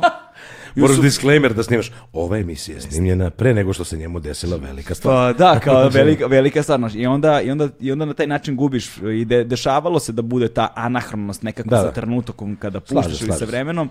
I onda nema smisla ni da bude previše napred. Ok da imaš dve, tri, na primjer, spakovane uvek. Ili da imaš recimo neke ljude koje snimiš, a koji su negde neutralni i koji ono možda ih pustiš kad god, ali da ih imaš kao backup ukoliko Da, se da, nešto da, ne da, daj Bože da, da, desi, da, znaš. da, da. Je glupo prema njima, onda kao šta se ih snima, onda oni Ne, čekaju. ne, ja "Ej, sam, sad, da ja sam pustiš?" sad snimio 10 epizoda neprijatno mi ljudima da kažem bit ćeš u avgustu emitovani. Da, da, da, da. ono, ovaj, ali tako mi se zaređalo nešto, e, tim je bio efikasan u, u, u, dovođenju ljudi, on je rekao, može, može, može, može, ja nas snimao. i Čekaj, sam- vi ste sad imali ovog iz Facebooka nekog. E, ne, on, će, on, on, nje- on mi je gost, e, sad smo imali Ryana Pyle, Ryan Pyle je kao Bear Grylls, znaš, on je survivor, što je jeo životinje, ne znam. E, a ovo je Bear Grylls nove generacije, čovek koji drži Guinnessov rekord, Preživljava na TikToku. E,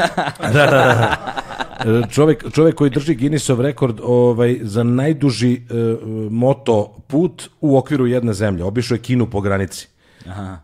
I ovaj, on mi je bio gost, e, e, on je na Amazonu, na Netflixu i tako dalje. Ovaj neviđen, neviđen lik trenutno u Tbilisiju i sad mi se sad ide ta epizoda. A snimio sam MD Facebooka za za za uh, Middle East, njega ću da snimim e, kad se budem vratio. MD. Man, managing director, A, znači, managing znači director. glavni, glavni Molim te, nemojte preduzeti skraćenice u ovoj Pa ja kući. ne razumem, ne. U ovoj kući se ne psuje. Ne razume, ja u jezik teško govorim, ja sam u inostranstvu jako dugo i Samo čevapčići. čevap, čiči i pleskavica. A, ovaj, dobro, kućo, a, hvala ti puno. A, Kuću, koliko je ovo trajalo? Dva sata? Nemam pojma, brate. Koliko smo trajali?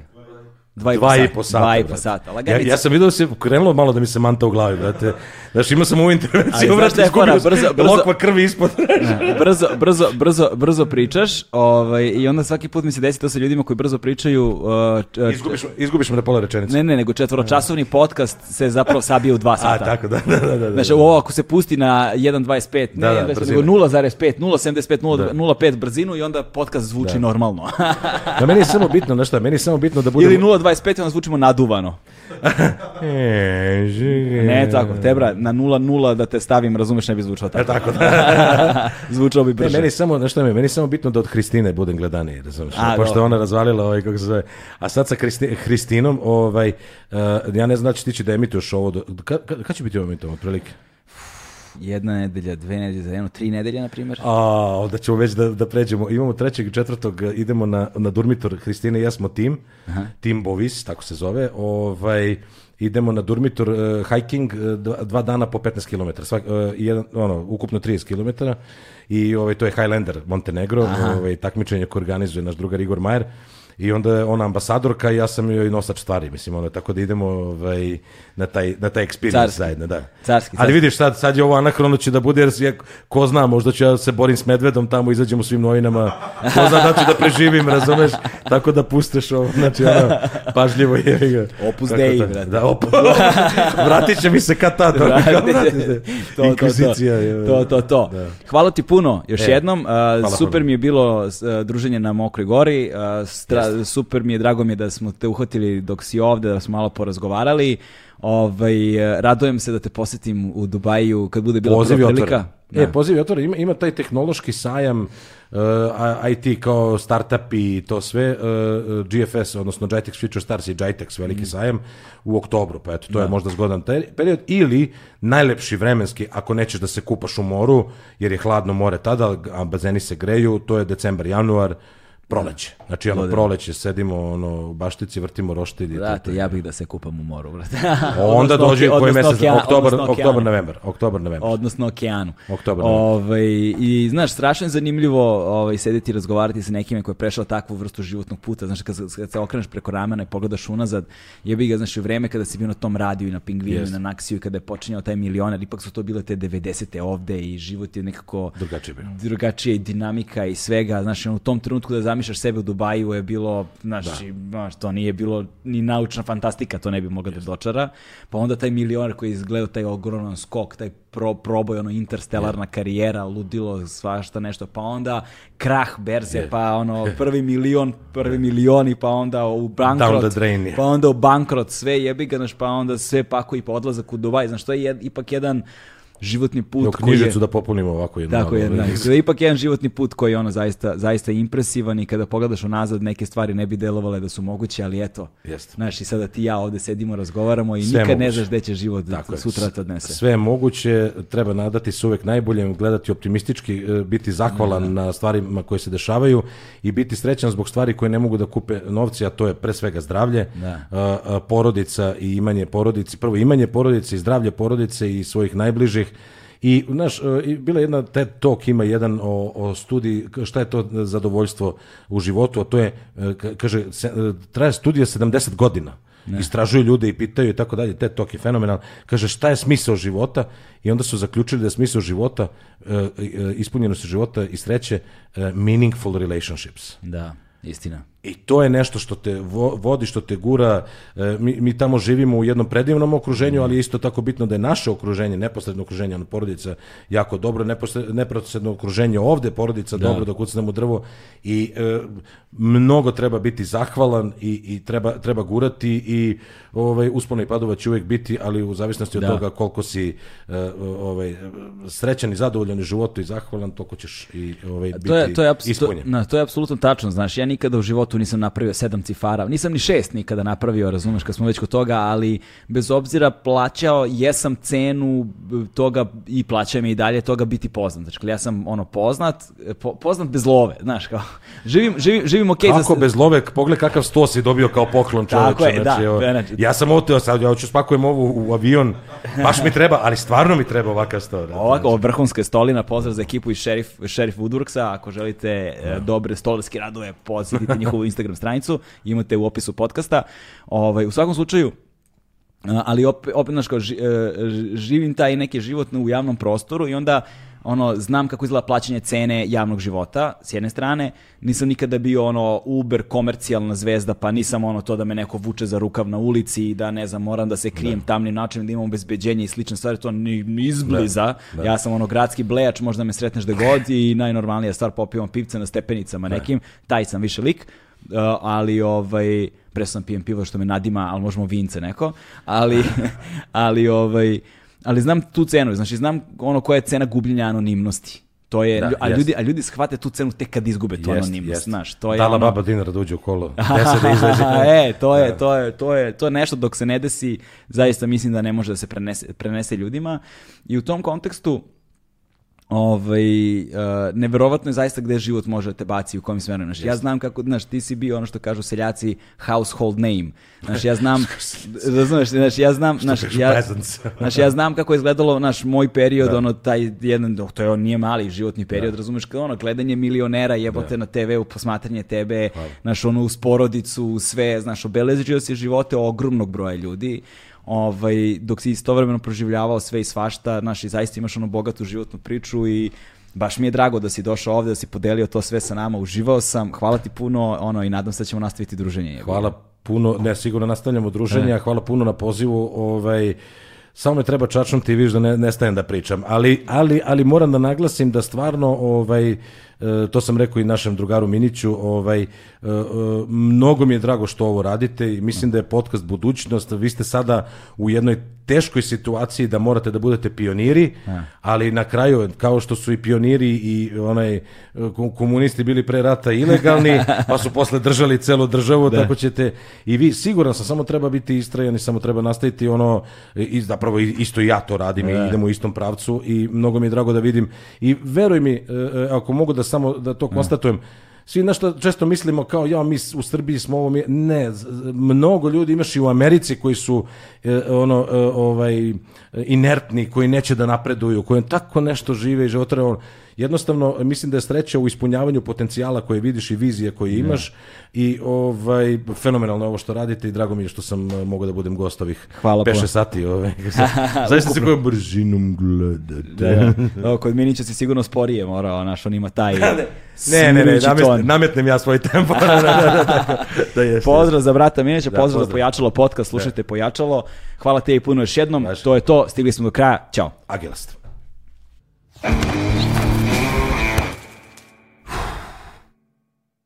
Hmm.